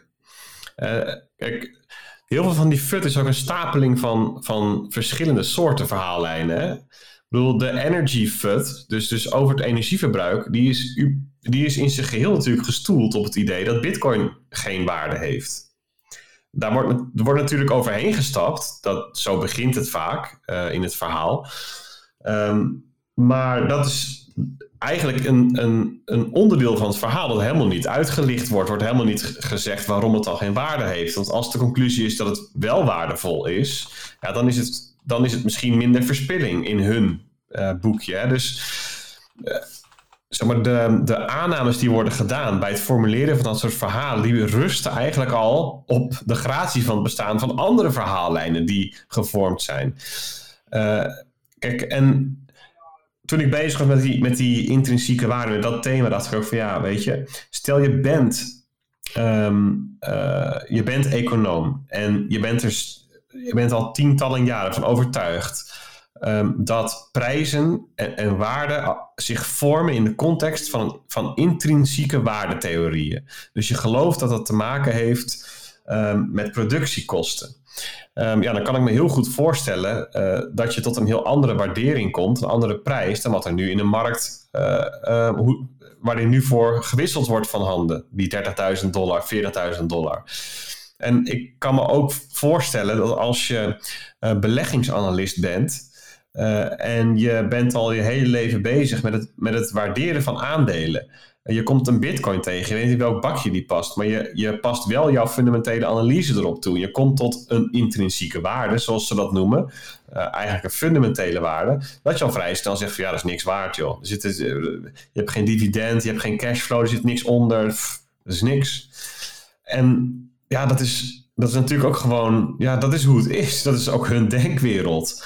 Maar zij bedoelen iets heel anders met, met hun intrinsieke waarde dan hoe, met de intrinsieke waarde zoals een econoom erover heeft of een filosoof erover heeft. Je kunt niet, daar gaat het natuurlijk al mis in een tweet. De, intrinsieke waarde is nul. Welke intrinsieke waarde precies? Iedereen die dat zegt, iedereen die zegt de intrinsieke waarde is nul, eh, da- dan weet je eigenlijk dat is of iemand die heeft geen idee waar hij het over heeft, of iemand die het wel weet, maar expres zit te trollen, want hij wil zichzelf niet nuanceren, of iemand die gewoon zit te trollen.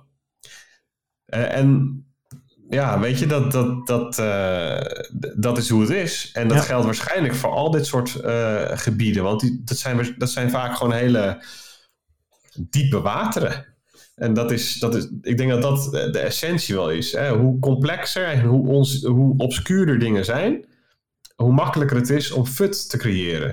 En dat geldt ook voor die Craig Wright. Die heeft eh, inmiddels weet ik veel hoeveel pagina's aan, aan onzin lopen verkondigen en schrijven. En nou, neem alle documenten in rechtszaken erbij. Ja, voor de meeste mensen is het gewoon niet meer te volgen.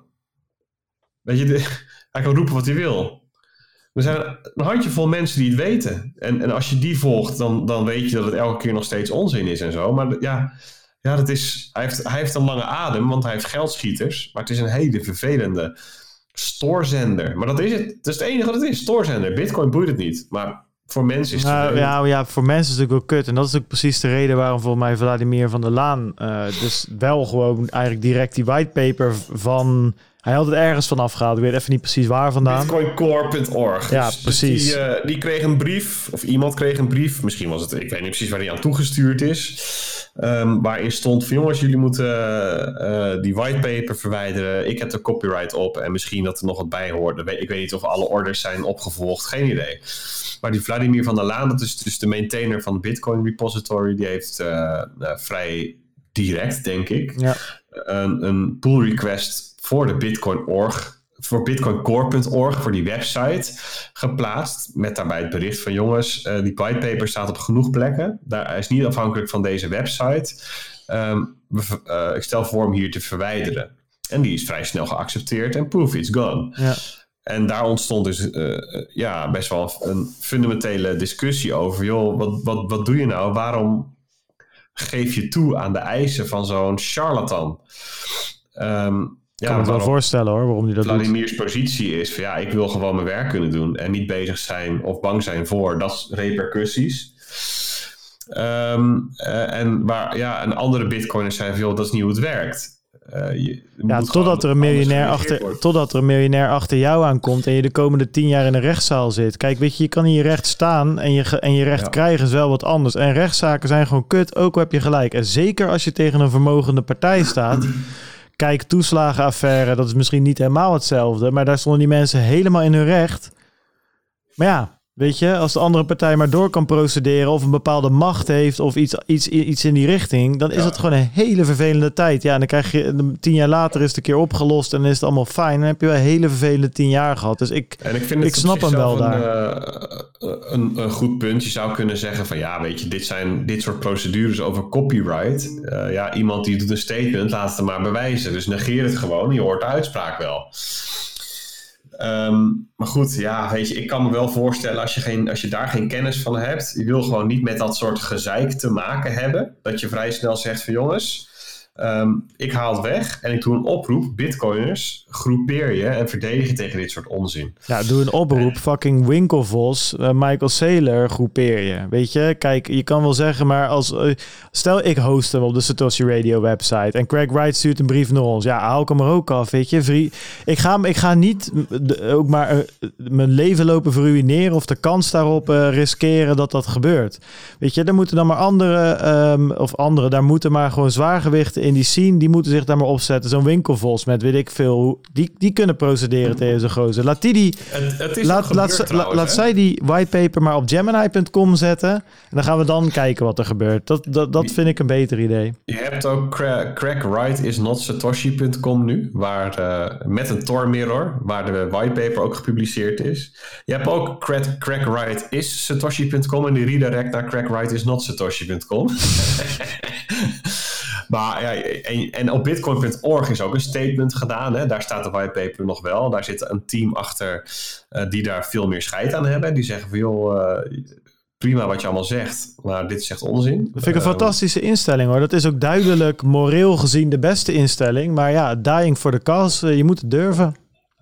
Ja, maar op Twitter reageerde Cobra, dat is dan degene die ook dit verhaal op bitcoin.org heeft gezet, die reageerde op Kelvin Ayer. Eh, dat, is, dat is natuurlijk de geldschieter van, eh, eh, van, van Craig. Die reageerde van, kom maar achter ons aan. We hebben geld zat en zelfs en meer dan dat. Dus weet je, succes. Ik weet niet of dat dan grootspraak is of niet, maar misschien zitten die mensen op een, op een container bitcoins en hebben ze zoiets van prima. Ja. Ik zag ook al meer bedrijfjes lang, of bedrijf, bedrijfjes, bedrijven en projectgroepen langskomen die bij wijze van protest de, de whitepaper zijn gaan hosten. dus het, het, het roept ook wel weer een tegenreactie Ja. op. Precies. Maar goed, ja. ehm FUT dus, de FUT-week. Dat was het. Dat was denk ik wel een FUT-week. Ja. En wat ik zei, FUT is kut. Nou ja, Ja, en voor, voor, voor mijn gevoel is het goed dat het er is. Ook omdat ehm, het zorgt er wel voor dat de mensen die nu nog een bitcoin houden, dat die ook echt zeker weten dat ze het willen. Strong Maar hands. het Ja. moment- Ja. ja, het, maar het zorgt wel voor stronger hands. Kijk, bitcoin heeft wel de neiging om FOMO op te roepen bij mensen. Dus bitcoin zou er wel eens voor kunnen zorgen dat mensen toch onbesuist erin stappen, te veel kopen. En dat zijn allemaal potentiële tijdbommen. Dat zijn allemaal mensen die misschien over een jaar hun wachtwoord niet meer weten of weet ik veel wat. Omdat ze gewoon er dom ingedoken zijn. En doordat die fut die rammelt even aan die poort van weet je het zeker? Heb je er echt over nagedacht? Of heb je gewoon in een dronken bui op die knop ge- geduwd? en nou ja, er zijn dus blijkbaar mensen die nu heel veel bitcoins verkopen. Want wat zei je nou? Grayscale vorige week? Eh, 200.000? Dat is in ieder geval veel. nee, nee, 20? Ik weet, ik weet het niet meer 20.000 precies, bitcoin, maar zoiets. Duizenden. Ja, die, die zijn dus ver- die zijn dus door iemand verkocht. Nou ja, oké. Dus dit, misschien, eh, misschien moet dit ook af en toe maar gebeuren. Dus, ehm, dus ja, we, we, we, we, we ehm, glijden langzaam de marktupdate in. Eh, daar kunnen we het er ook even over hebben, over die prijs. Want die was 42.000 dollar, hè? Wanneer was dat? Een week geleden of zo? Nou, dat was geen week, maar we zaten vorige Ja, week 42 tegen de was 40a. was het 40 hoogtepunt. Ja, 6 januari. Dus dat is inderdaad alweer bijna twee weken geleden. En daarna... Oh nee, dat is een dat is- dat pak ik de verkeerde kaart. Mwah, dat was goud. Dat is ook naar beneden gegaan. Nee, dat, wanneer was het? Het was eh 8 januari. Nou ja, dus dat is eh, 13 dagen, twee weken geleden. Ja. En dus zitten, en we zijn we naar ehm 30.000 gegaan. En we zitten nu eigenlijk ook een beetje weer 31.000 dollar op dat punt. We zitten nu een 25% lager dan die top. En eh, ja, het grappige was, op 8 januari was dus de, die 42k. En op 11 januari was het 31k. En zeiden mensen, nou, dat hebben we weer gehad. Verder omhoog. maar dat, die, die kermis bleek toch wel koud te zijn. Want ehm, Ja, toch leek het vorige week een warme kermis. Toen zaten we, wat Peet zei, toen zaten we gezellig eh, met z'n drietjes eh, hey, de polka te dansen. Ja, 14, da- het was veer- 14 januari, ook echt 14 januari, dus precies een week geleden. Ja, ja. Toen, eh, toen steeg hij op 14 januari steeg hij van eh 36.000 naar eh, 39, eh, net 40 aangetikt. Dachten we, nou oké, we gaan verder. 50 incoming, 60, 70. Plan B die had nog Ja, Fab Ganzen erbij. Plan B, die, eh, die, ehm, eh, die had nog het punt van... ja, we kunnen straks weer een stip zetten met een gat ertussen, weet je wel. Die had het dan Ja. een kaartje had hij al klaarstaan. Nou ja, ik denk dat hij de stip in zijn gat kan stoppen. Of zijn gat in zijn stip. Nou ja. Ja. Maar we zitten dus nu heel weer een stuk lager. En dat zou maar zo eens kunnen betekenen dat we dus ook een langere correctie krijgen. En ehm, wat je wel vaker ziet is dat, dat dan zie je eh, allerlei eh, ijverige ehm, analisten zie je allemaal driehoeken tekenen op de kaart. Keurige geodriehoeken erlangs. Schitterende driehoeken. Maar dat je dan dat het dan naar beneden uitbreekt en dat het dan bijvoorbeeld toch een flag wordt. Een vlagpatroon. en dan zou kunnen. Als dat zo is, dan zouden we morgen, eh, overmorgen, naar de 27k kunnen. En dan omhoog. Het zou allemaal kunnen, we weten het gewoon niet. Fut, fut, fut, fut speelt, spe- speelt daar, kan daar op korte termijn kan dat daar een rol bij spelen. Dat, dat, dat mensen die schrikken wat en andere mensen die hadden net een eh, leverage long positie op Bitmax genomen. Die worden eruit gestopt, weet je wel. En dan gaat het nog wat lager. Ja, kijk, ehm, zolang er nog elke week voor tigduizenden aan eh, eh, bij Grayscale wordt gekocht. ehm, is, dit een, is dit gewoon een, een, een tijdelijke accumulatie waarin er eventjes wat eh, nieuw evenwicht wordt gevonden. Eh, waar het eindigt, ik denk dat er echt helemaal niemand is die het precies weet. Dus ik zou zeggen, we het lekker afwachten. Ehm, en eh, ehm, le- lekker de, de setjes stacken. The Bitcoin white paper is now proudly hosted on the Square crypto website. Zie je? Ja, nou, kijk, idee. Dat precies, een. dat moet je hebben. Ik Klaar. zag er zoveel. Als je zoekt op, eh, als je daarop zoekt, vind je een hele lijst. Nee, joh, maar dat is, dat is het mooie. Dus dat is ook altijd het mooie met die FUD. En zeker mensen die al langer in Bitcoin zitten, die al een keer een- die hele cyclus hebben meegemaakt. Al die FUD dingen zijn al tien keer langsgekomen. We hebben het al tien keer over over energie, over intrinsieke waarde, over verzin het allemaal, over, over hacks, over reorganisaties, over Forks. Kun je zo gek niet bedenken. Over, over dat verboden gaat worden. Over eh, Lagarde die de lelijke dingen over zegt. We hebben alles al meegemaakt. En elke keer ja, duurt het even. En dan schudt de hond zijn vacht uit. En dan is het water er weer af. En dan gaan we verder. En de vieze En, bloedzuigende teken. ja, precies. De liedjes. Ja, de eh, liedjes inderdaad. De freeriders. dus, eh, ja. ja, je moet er wat voor doen, jongens. Voor alle beginnende luisteraars die na 2,5 Waar zit je nou mee uur. te spelen? Huh? Waar zit je nou mee, mee te spelen, joh? Dat, is, dat zijn mijn, nee, dat zijn mijn oude AirPods met een leuk eh, hoesje eromheen. Dus, Ah. dus. Ja, jongens, dat was het marktupdateje. Nou, ehm, voor de luisteraars die zich afvroegen van waarvoor we zo nu en dan toch zeggen van dit onderwerpje doen we wel, dit onderwerpje doen we niet. Na 2,5 uur is het gewoon ook op, weet je. Het is best wel intensief hoor, zo'n podcastje opnemen. Vergis je niet, het is heel leuk. Ik zou niks, liever, niks, niks anders liever willen doen. Maar na 2,5 uur, ja, heb je wel zoiets van, we kijken volgende week weer verder. Toch? Ja, dan, dan, dan moet je lichaam ook gewoon eventjes iets doen. Precies, Dus dan zou je eigenlijk even een- staan. ja, je moet eigenlijk ja. even naar... eh, er moet ook weer wat uit. Moet Ja. wat in. Precies, Dat, het, is gewoon, het is gewoon eventjes goed geweest, zeg maar dan. Ja. Ik zie ook dat ik hier een soort... Ik heb een terrariumpje hier staan of zo. En daar hebben zich weer eh, ja, vliegen die spannen daar zo nu en dan in. en eh, het is weer raak, dus ik moet even... Ja, het, is niet, een spot point. het, is niet, het is niet Verdemmen, maar dat gebeurt gewoon met planten. Dat is ook alleen maar een teken dat het een gezond ecosysteem is. Maar ik heb wel een hekel aan die beesten. Dus die ga ik eens even kijken hoe ik die weer... Die kan Kopje- opeten, kopje kleiner kan maken. Ja, ik las dat er tegenwoordig meelwormen legaal eh, geteeld en verkocht moet mogen worden in Nederland. Maar Dus misschien eh, is dat eh, het gerechtje wat we voor de volgende live show dan maar moeten doen. ja, het is prima, weet je. Kijk, weet je, ze, ze hadden het erover dat je het maar moest frituren. Ja, weet je, je kan alles in de frituur gooien met een dikke laag paneermeel, wordt het lekker. Dus dat eh, meelwormen zullen daar echt geen uitzondering op zijn. Dus nee, jongens, top. Thanks weer. Ehm ehm, hey Bert, wat ik nou aan jou wilde vragen. Een sneltest, hè? Is dat ook met zo'n ding in je neus of niet?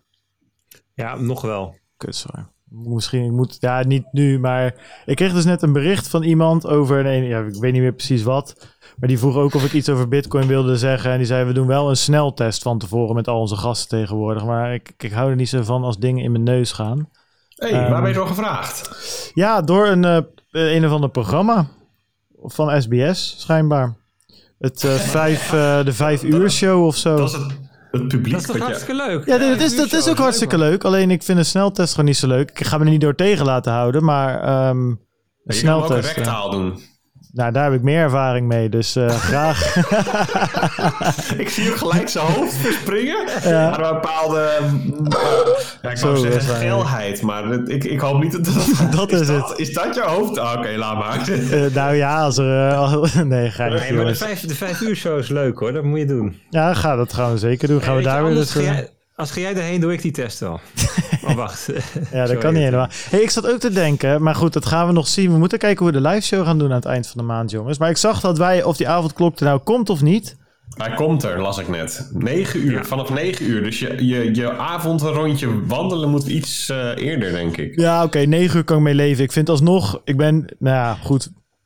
Misschien moeten we die discussie maar laten. Maar ik vind het een eh, vervelende, Nee, dit vervelende. onderwerp gaan we niet aansnijden. Maar Dus wat we wel gaan doen, we hebben sowieso uitzondering. Want als je naar een, avond, een avondprogramma wat live wordt uitgezonden, dan mag Ja, het. als gast. Ja. Als gast. Klopt. Nou jongens, Ja. bij deze. Nou, wij, zijn, wij zijn gasten, dus, en we moeten naar... Nou ja, Nou, avondprogramma? En het is live. Nee, maar zonder dolle. Volgens mij kom je er echt nog mee weg ook. Het enige probleem is dat... dat nou, eigenlijk helemaal geen probleem. Nou, Nee. dan zijn we weer uit. hier is het voor bedoeld. Nee, maar wij Precies. gaan verdorie gewoon dan mooi die live show maken. Het enige is wat we even moeten organiseren, eh, is zo'n zo'n briefje. Nou, die wil ik best ondertekenen voor jullie. Ik, maar ik, Rutte die zei toch dat je... Als je een verklaring ondertekent door jezelf. Toen dacht ik, ja... Toen zag ik op Twitter ook al berichtjes langskomen... waar mensen gewoon... Ik mag buiten zijn. Bart. Weet je wel? Eh, vreemd, vreemd verhaal. Nou ja, goed. Handtekening, mezelf. Precies. Ja, maar dat was ook hoe die het zei. Dat is heel, heel vreemd. Maar goed, ja, whatever jongens. We gaan het er niet over hebben. Dat, eh, daar houden we ons buiten. Zoveel mogelijk. Jullie ook, hè? De afgelopen maanden niks mee te maken gehad. Eh, Nou Als jij nou eens op die grote groene knop drukt linksboven, dan eh, voordat het escaleert in een... Ja, eh, ja, ja, ja. Dus ik ga jullie nogmaals bedanken, jongens. Ook alle luisteraars. Vind je deze podcast leuk? Join onze Telegram groep. We zitten bijna op de duizend. Jeetje, Mina, wat is dat snel gegaan. En volg ons op Twitter. Alle links staan op www.satoshiradio.nl. Wil je de artikelen lezen waar we het over hadden? Bijvoorbeeld over eh waarde, intrinsieke waarde van van alles en nog wat. Dan kan je op www.lekkercryptisch kijken. Eh, iedereen hier is te vinden op Twitter. Eh, nou ja, goed, whatever. van alles en nog wat. Eh, doneren kan op de website, kan via Telegram. De noodzaak op YouTube. Elke maandag, 4 uur. Like en subscribe. Ja, Peter, dat, dat is het een beetje, hè, denk ik. Ja, nou, en dus gewoon volgende week live show. Oh ja, shit, dat is al volgende week. Je hebt hem gelijk. Zet hem in je agenda. Zet hem in die agenda, jongens. 8 uur s'avonds gaan we gewoon weer live. Link, we, gaan sowieso live. We moeten die hype een beetje opbouwen. Die trein begint te rijden nu. En, en volgende week gaan we elkaar gewoon live zien. Ja, dat is waar. Dus eh, even voor duidelijkheid, ook al kunnen wij elkaar niet in het echt zien, dan nog gaan we live. Dan verzinnen we wel een manier, dus we gaan live. Die live show gaat er komen. En ehm, hoe, dat, eh, dat zien we wel weer. Bedankt. Tot volgende week. En eh 8 uur, donderdag, de hoeveelste? 28ste. 28ste, 8 uur, live show. Bert en Peet, Bartje Mol, signing Precies. out. Adios.